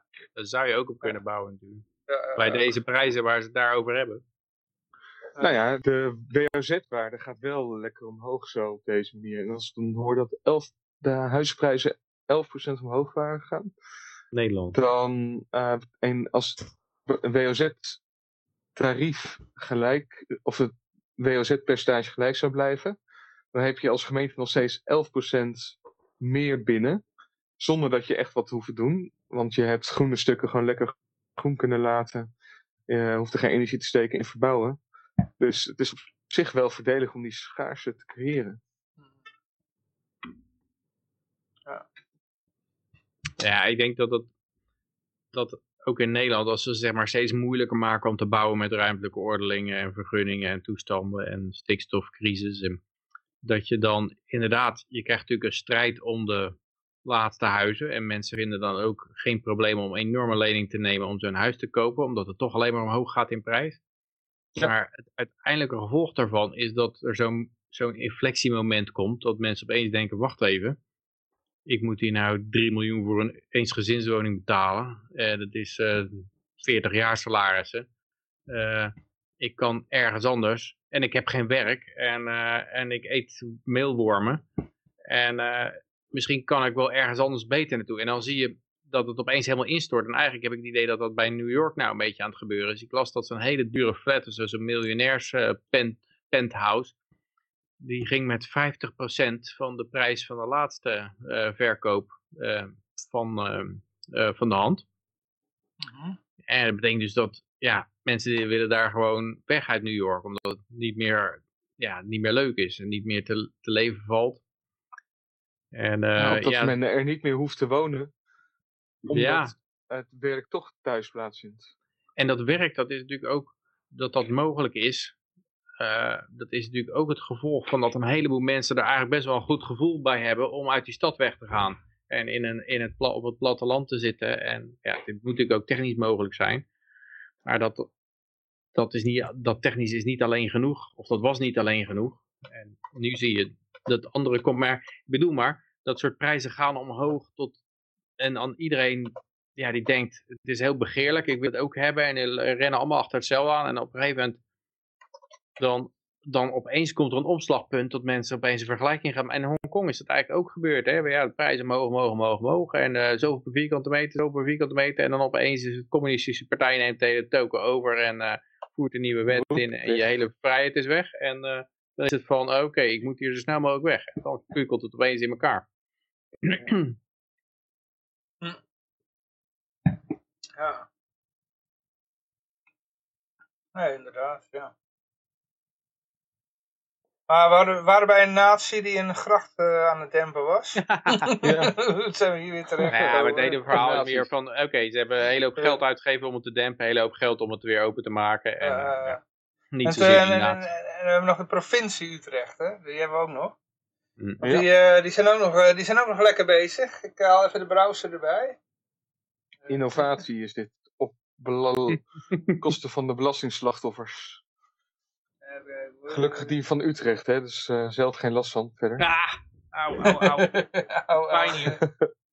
Ja. Ik heb er een leuk filmpje bij, daar kunnen we ondertussen naar kijken. Eh, oh.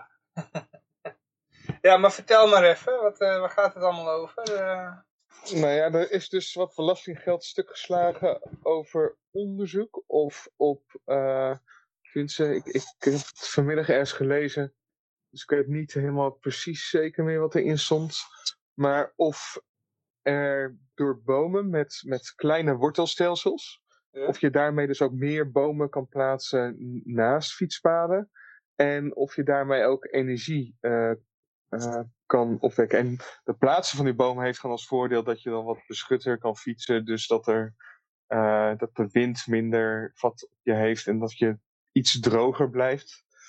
Eh, en eh, ja, het idee was dan ook om te kijken naar energie opwekken. als ze dan ook allemaal die wieken in die bomen doen, dan, kun, dan heb je twee vliegen in één klap, hè? Ja, ja, ja. ja. Maar goed, daar wordt dus allerlei geld op stuk geslagen. Om, eh, omdat het groen is en omdat het over alternatieve energieopwekken gaat. En, en Ja. ja.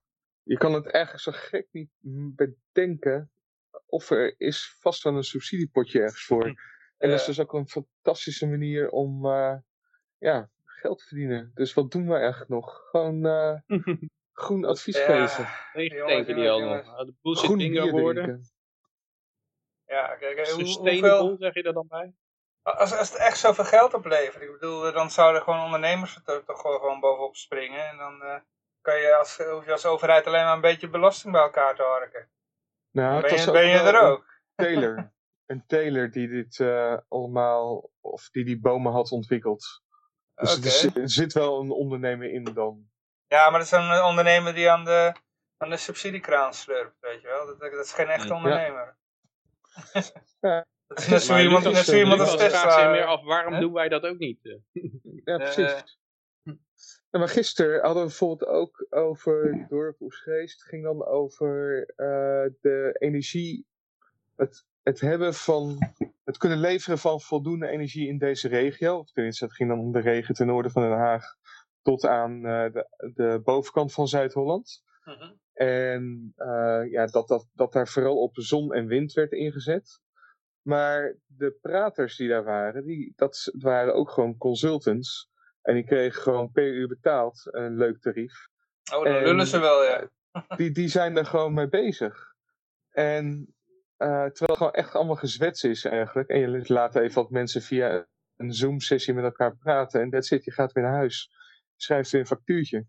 Dat is gewoon, dat is gewoon hartstikke mooi business. Je krijgt gewoon, omdat het Ja. groen is, krijg je er gewoon veel sneller subsidie voor. Dus kun je Ja. gewoon dat soort oude hoersessies organiseren. En iedereen blij en kan zeggen dat je, als gemeente kan je zeggen, oh we zijn echt groen bezig, want we hebben daarover Ja, ja, ja. gepraat.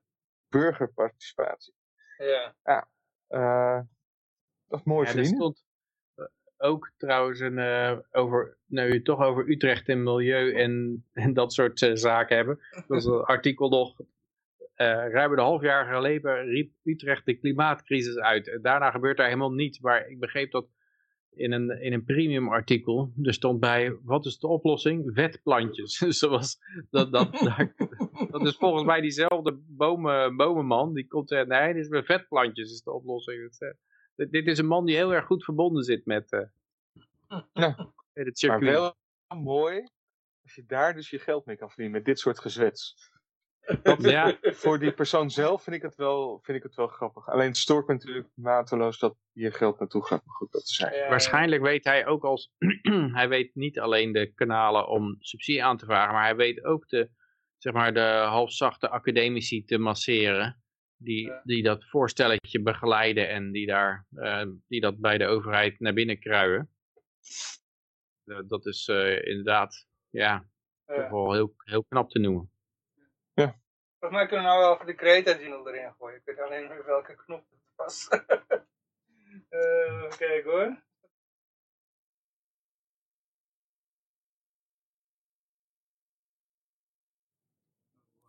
How dare you! How dare you. Ja, dat was ook met... eh eh wacht even, wat wil ik nou ook weer zeggen?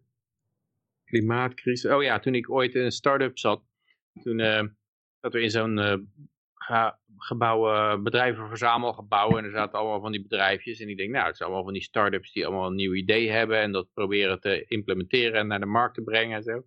Eh, sta je met, eh, bij de koffieautomaat met zo'n figuur te praten.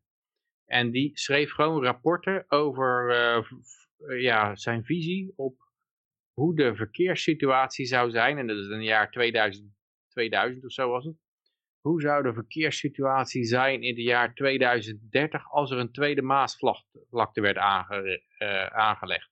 Hoe zou de, en, en daar had hij een heel rapport over geschreven. En dan ook, ja, als dat niet zou gebeuren. En in 2040. En eh, ja, allemaal hypothetische gevallen.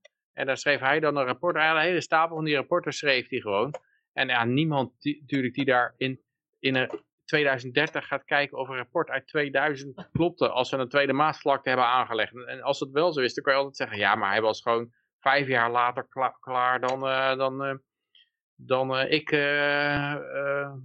eh, gezegd had. eh, of dat in mijn simulatie eh, vanuit ging. Maar eh, ja, dat kan door de politieke oponthoud. En eh, als dat anders gegaan was, er is natuurlijk altijd wel één factor anders in. Maar ik denk überhaupt dat er helemaal niet naar gekeken wordt in de jaren 2000 terugwerkende kracht. Of daar überhaupt iets van klopt. Van, nee, het is gewoon, als je in dat circuit zit, dan kan je gewoon je hele leven van die rapportjes schrijven. En, eh, rijden. zeker. De rapporten waren allemaal opgeslagen in een of ander groot eh, archief waar nooit iemand meer verder naar die rapporten gaat kijken. Zou er echt over 500 jaar een, een historicus al die rapporten gaan doorlezen? Van, eh, om te kijken hoe de mensen toen leefden? Ik denk, natuurlijk, wie betaalde dat in hemelsnaam allemaal? Eh, ja. Dat was Ja, ook dat, laatst dat ze afvragen van hoe kunnen nou mensen... Er is blijkbaar een laag geweest in de samenleving die eh, hun geld verdienen met mensen voor de gek houden. Hm. Ik denk wel dat, we, dat de historicus over 500 jaar een heel verkeerd beeld gaan krijgen over van de mensen nu. Want kijk, de mensen die, die, laten we zeggen, die gezond verstand hebben, die publiceren niet zoveel. Maar de mensen van de, aan de kant van de overheid, die publiceren heel veel. En dat wordt allemaal opgeslagen. Want ja, eh, belangrijk publiek, weet je wel. Dus ze hebben enorme, enorme dossiers met, met allemaal bullshit. En als dan een weet niet historicus... Hè? Je Ja? weet niet wat er tussen nu en 500 jaar allemaal nog gaat gebeuren. Hè? Nou ja, net als eh, tussen nu en 500 jaar geleden. Ik bedoel, al die dingen van van wat de overheid gepubliceerd is, dat wordt nog steeds bewaard. En daar kun je nog steeds in kijken. En hoe, meer, hoe langer de overheid bestaat, hoe meer ze eigenlijk schrijven eigenlijk. Nou ja, jij weet wel wat er morgen gebeurt. ja, ja, ja. Dus, Josje?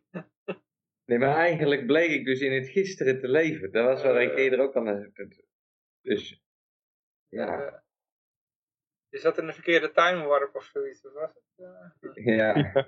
eh, maar eh, even kijken, ja, we hebben nog ja, één... één- jullie kunnen zeggen wat je wil, voor mij is het gewoon vrijdag. Zo is het. Ja, ja. ja. Maar, dames en heren, jongens en meisjes. We komen bij het laatste bericht. En eh, dit gaat over niemand minder dan Britt Dekker. Heeft zij nog Ik enige... met, Hè? ik denk dat het met jaloezie te maken heeft hoor, dit. Ja, ik weet niet, heeft iemand nog... eh, misschien moeten we even uitleggen wie Britt Dekker is. Weet iemand wie Britt Dekker is?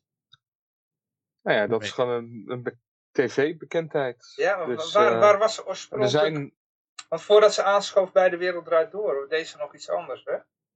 Was ze niet van een reality-programma? Oh, dat zou kunnen. Ze wordt een beetje onderschat. Eh, iedereen denkt dat het gewoon een dom blondje is, maar het valt eh, goed Ja, mee. ze, ze, ze speelt een dom blondje, dat slim. had ik inmiddels ook wel door. Nee, nee, nee, ze is juist heel erg slim. Ja, ja, ja. ja, maar ze kan heel goed acteren, laten we het zo zeggen. Ja. Eh, Als het ze uitkomt, is ze een dom blondje. ja, nou, dit is er met, met haar paard. Dus eh, dit is weer haar zoveelste carrière. Ze is nou eh de paardenmeisje geworden. En eh, ja, ze heeft dat, dat heeft weer een eh, ruzie met de Belastingdienst opgeleverd. Mega probleem. Met de eh, Belastingdienst. Vanwege George. Ik kreeg ze twee jaar geleden van John de Mol. In ruil voor het maken van vier programma's bij Talpa. Ja, dit is natuurlijk al. eh, dit ruikt natuurlijk Ja. al naar. eh dat Dat is betekent niet zo dat. handig om te zeggen natuurlijk. nee. Ja, het is Staan cadeau Het is een elkaar. cadeau. ja, maar wat als iemand een hond cadeau geeft? Dat betekent dat, je, dat de, Belastingdienst die wil dat paard in twee hakken en de helft is van hun. Eigenlijk moet je gewoon dat hoofd eraf hakken en bij hun in bed leggen. Dan zeg ja, eer, de inkomstenbelasting, de helft van Ja. mijn paard is voor jou. Ja, ik denk dat Maar- het de oplossing is inderdaad. Een tweeën zagen. En, eh, ja, hier Belastingdienst, hier hebben jullie jullie deel. En dan moet je dat doen, dan moet je doen eigenlijk als dat paard afgeschreven is, zeg maar. Mm. Ja. Eh, eh, eh, Is het een verrassing als ik zeg dat ik, eh, dat, dat ik, zeg dat, dat ik pas medelijden met haar heb als ze niet heeft gestemd of niet op de LP heeft gestemd? Dus eh, als ze bijvoorbeeld gewoon lachend de CDA of VVD heeft gestemd, ja, dan, Eigen schuld, dikke pult, zeg je dan. ja, En de kans is heel groot dat dat zo is. Dus. ja. Ja, ze schoof aan- vaak aan bij de wereld draait door, dus ze zal wel PvdA stemmen. Nee, maar ze had Ja. niet heel erg, eh, niet echt de eerste orde van de grootte van het probleem is natuurlijk van, ja, je krijgt een paard cadeau voor, voor die programma's en dat is eh, uitkering in natura en dan ben je gewoon eh, belastingplichtig. Maar zo, ze hadden het iets slimmer gedaan wel. En ehm, om te voorkomen dat ze niet een groot bedrag aan belasting zou moeten betalen, hebben Dekker en Talpa destijds gekozen om het paard in bruikleen te geven. Het is middeleeuwse ruilhandel. Ik wilde gewoon dat paard. En als ik geld had gekregen, dan moest ik daar zelf belasting over betalen. En nu niet. Dus, dat, dat, eh, dus eh, belastingtechnisch moest George op naam van Talpa blijven. Dus die, dat paard bleef op het naam van Talpa staan. maar ze hebben een contract dat ik levenslang mag bepalen wat er met George gebeurt. dus in feite was zij de de facto eigenaar natuurlijk. Maar ze had het, eh, Ja. papier had ze het in bruikleen alleen maar van. Eh, dus dan is het in feite you! is het paard nooit overgedragen, het eigendom van het paard. Dus dan zou je zeggen, dan moet er ook geen belasting over betaald worden. Nee, maar dan gaan ze toch, dat ze hadden eigenlijk dat contract waarin staat dat zij levenslang bepaalt wat er met dat paard gebeurt, hadden ze gewoon op basis van goed vertrouwen moeten houden. En met het risico dat als Talpa failliet gaat, dat ze dat paard dan alsnog kwijtraakt. Eh, maar doordat ze dat contract heeft, waarin staat dat zij alles mag bepalen over dat paard, wordt ze toch een soort van eigenaar. Dat zal de Belastingdienst er gegarandeerd van gaan maken. En dan, ja. eh Maar dat ze- heet toch, dat heet het vruchtgebruik geloof ik of zo hè? Ja, als je Ja. inderdaad op die manier met een paard omgaat, dan heb je er het vruchtgebruik van. Maar als je dus ook beslissingen maakt voor dat beest, ja, dan is het anders. Het beest neemt gewoon zijn eigen beslissingen. Ja, en wat zij bijvoorbeeld bepaalt in welke stal dat hij slaapt, laat het maar zo zeggen dan. Ja, Hij zou waar. 400.000 euro gekost hebben, dus dat betekent dat zij waarschijnlijk dan 200.000 euro eh, aan cash moet ophoesten omdat ze dat paard gekregen hebben. Dus ja, je kan Als ook ze gewoon dus- zeggen van, Ja, maar dat is nog een extra Talpa stalt hem bij haar. Dat kan ook. Het Talpa stalt hem bij haar. En dan kan het gewoon zeggen, nou, we betalen geld voor de stalling. Allemaal van die ZZP-trucjes zijn dat. Maar het is ze in kunnen, de... en ze in kunnen de- zelfs er nog van maken van, ja, maar jij hebt het net over vruchtgebruik. Dan zeggen ze, ja, zo'n gebruik van dat paard, dat is jaarlijks zoveel aan inkomsten. Moeten ze daar ook nog naheffingen over? Wat heb je in hemelsnaam aan inkomsten van een vruchtgebruik van een paard? hè? Nou, ik, ik, ik, ik schiet me nog wel eens wat te binnen. Ik heb heel, heel, heel, heel lang geleden, jaren negentig, nog eens met een meisje gedate. Die, eh, die zorgde ook voor paarden. Dat was een beetje zo'n paardenmeisje. En die, eh, Oh, leuk. maar het was niet Ja, het haar ook een paard. paardenstaartje, hoor. Ze- Dat is ook een paardenstaart. Nee, nee, nee. Ze, ze zag het wel als... Ze zag het wel als haar paard, maar dat? het, ze noemde het een zorgpaard of zo. Dus het paard was eh, feitelijk van iemand anders. Maar zij zorgde er iedere dag voor het paard. En ja, ze had een band met Cool. het paard en zo. En, Terwijl Dat is wel sympathiek. ik weet maar dat was vrij dat, normaal eh, in, de, in de paardenwereld, zei ze hoor. Dus, ja. Maar goed, dat die, eh, er was een P van de A, hoe heet die nou ook weer? Eh, Marcel van Dam, ja, geloof ik. Van eh, de ponyclub erover? Of? Oh, de, de Marcel van Dam van... van Die woonde in van, een enorme Du villa. bist ein Untermensch. Ja, ja, ja, ja, ja. Maar die woonde, die woonde dus niet het was niet zijn villa. Het was een monumentale villa waar hij het, het onderhoud van deed of zo. Hij, Ja, en dan besteedde hij uit aan vrijwilligers. Dus hij deed zelf Ja, hij eigenlijk niks. hij Hij liet dat- andere mensen dat doen. ja, dat, Nee, dat was die vieze VVD'er die in Warmond hier zat, bij Huis de Warmond. Ja, maar Marcel Ja, van Dam deed dat ook. Die, die, van die, die deed dat ook. Die, die, eh, die, was inderdaad, die woonde in een villa. Of in een, in een kasteeltje of zo. boerderij of zo. Ik, nee, volgens mij ja, kasteel of wat dan ook, burcht, weet ik veel. Maar eh, hij liet dan vrijwilligers al het werk doen. En die zeiden op een gegeven moment, ja, we willen wel een vergoeding. En dat, dat, dat vond hij dan weer niet goed of zo. Ja. Kijk, hoe heette die flapdrol ook alweer? Waarschijnlijk hebben we allemaal gelijk. Zowel Marcel van Dam als die VVD'er. allemaal zitten die in een, eh, in, een, in een boerderij waar ze voor zorgen. Ja, ja. er was in ieder geval iemand die in, in zo'n kasteeltje woonde. Dat kan ik me nog wel herinneren, ja. Ik dacht dat het Marcel van Dam was. Nee, het was een dikke VVD'er. Oké. Ik denk dat we allebei... Landgoed. Ja, landgoed. Hij zat wel landgoed. Hier heb ik wel. Landgoed. Ja, Land- ja, en hebben we Studenten. iets met vrijwilligers, toch? Die, die geen, geen Ja, doek studenten kregen. Ja. ook. eh, Hier zie ik het al. tijdens Marcel van Dam zoekt hulp bij opknappen van zijn landgoed. dus hij, zo, hij, zo- hij doet het, eh, het be- beheer van Oh, het maar ik- landgoed, maar heb hij zoekt wel hulp bij het opknappen. Volgens mij heb ik dat een keertje voorbij zien komen op Po-nieuws ook. Dat ze Ja. daar een item over maakten. Eh, eh, Ik zie het wel, eh, dat eh, Marcel van Dam zet landgoed te koop. Dat geeft mij toch te denken dat, dat hij, dat hij eh, de eigenaar is. Of, eh, ik denk dat er Inderdaad. inderdaad ook nog zoiets was met de VVD, hè? En dat Lucas ook nog Ja. gelijk heeft. Dat was eh, Ar- Art van der Steur. Oké. Die daar eh, woonde. In dat. Huis de Warmond. En dan een student van Minerva de boel liet opknappen tijdens de ontgroening.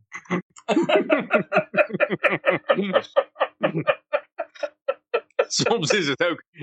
Ja, waarschijnlijk klink je gewoon helemaal dubbel als, als heerser van hoe dom die slaven zijn. Gewoon.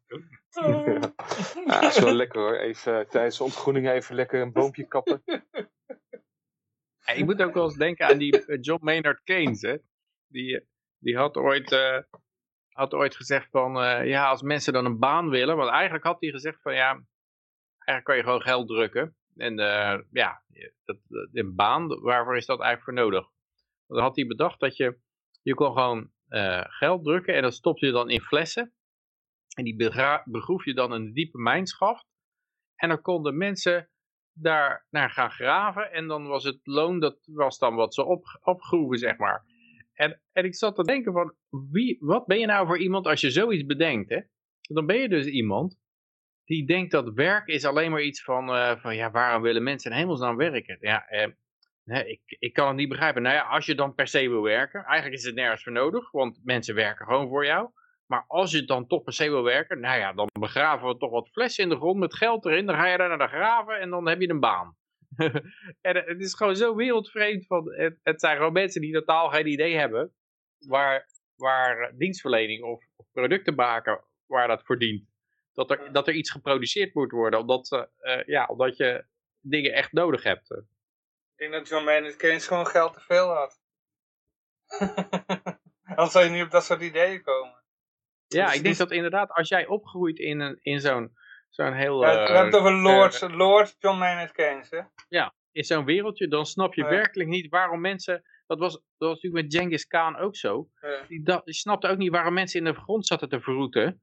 Die, zei, boeren, die heb je nergens voor nodig. Je hakt gewoon een paar mensen hun kop af en je pakt hun voedsel af. En dan ga je daarna weer verder en pak, hak je nieuwe mensen hun kop af en dan pak je hun voedsel af. Maar Ja. dat er steeds mensen moeten zijn die voedsel verbouwen, dat, dat snapte hij gewoon niet. Want, want zijn, ja, zijn job was alleen maar mensen mo- vermoorden en het voedsel oppakken wat ze verbouwen. En die vond het dan ook raar van waarom ontstaan er achter ons allemaal woestijnen. Ja, ik heb geen idee waar die vandaan komen. ja. Het begint overal op Mongolië te lijken. Maar ik, denk- ik heb het idee dat dat soort lui echt denken dat werk een soort bezigheidstherapie is. Dat mensen ook, die kennen, mensen kunnen niet stilzitten. Nou ja, dan geef ze maar wat te doen. Dan eh, laat ze maar een gat graven en weer dichtgooien. Want dat is in feite waar ze altijd mee komen ook. Als er zo'n crisis komt, dan zeggen ze van nou, we gaan maar eh, eh, ergens een of ander park aanleggen of zo. Of ga maar iets, iets, eigenlijk gaan ze meestal onzinnige dingen zitten bouwen.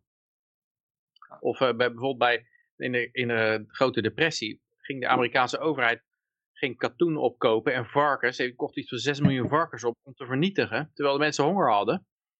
Omdat de landbouwprijzen anders naar beneden zouden gaan. Want alles zakte omlaag. Want er was een deflatoire depressie. Dus alle prijzen gingen omlaag. Maar ja, de landbouwprijzen, als die omlaag gingen, zouden alle landarbeiders ontslagen worden. En dat was vreselijk. Dus gaan we, gaan we dat maar opkopen en vernietigen.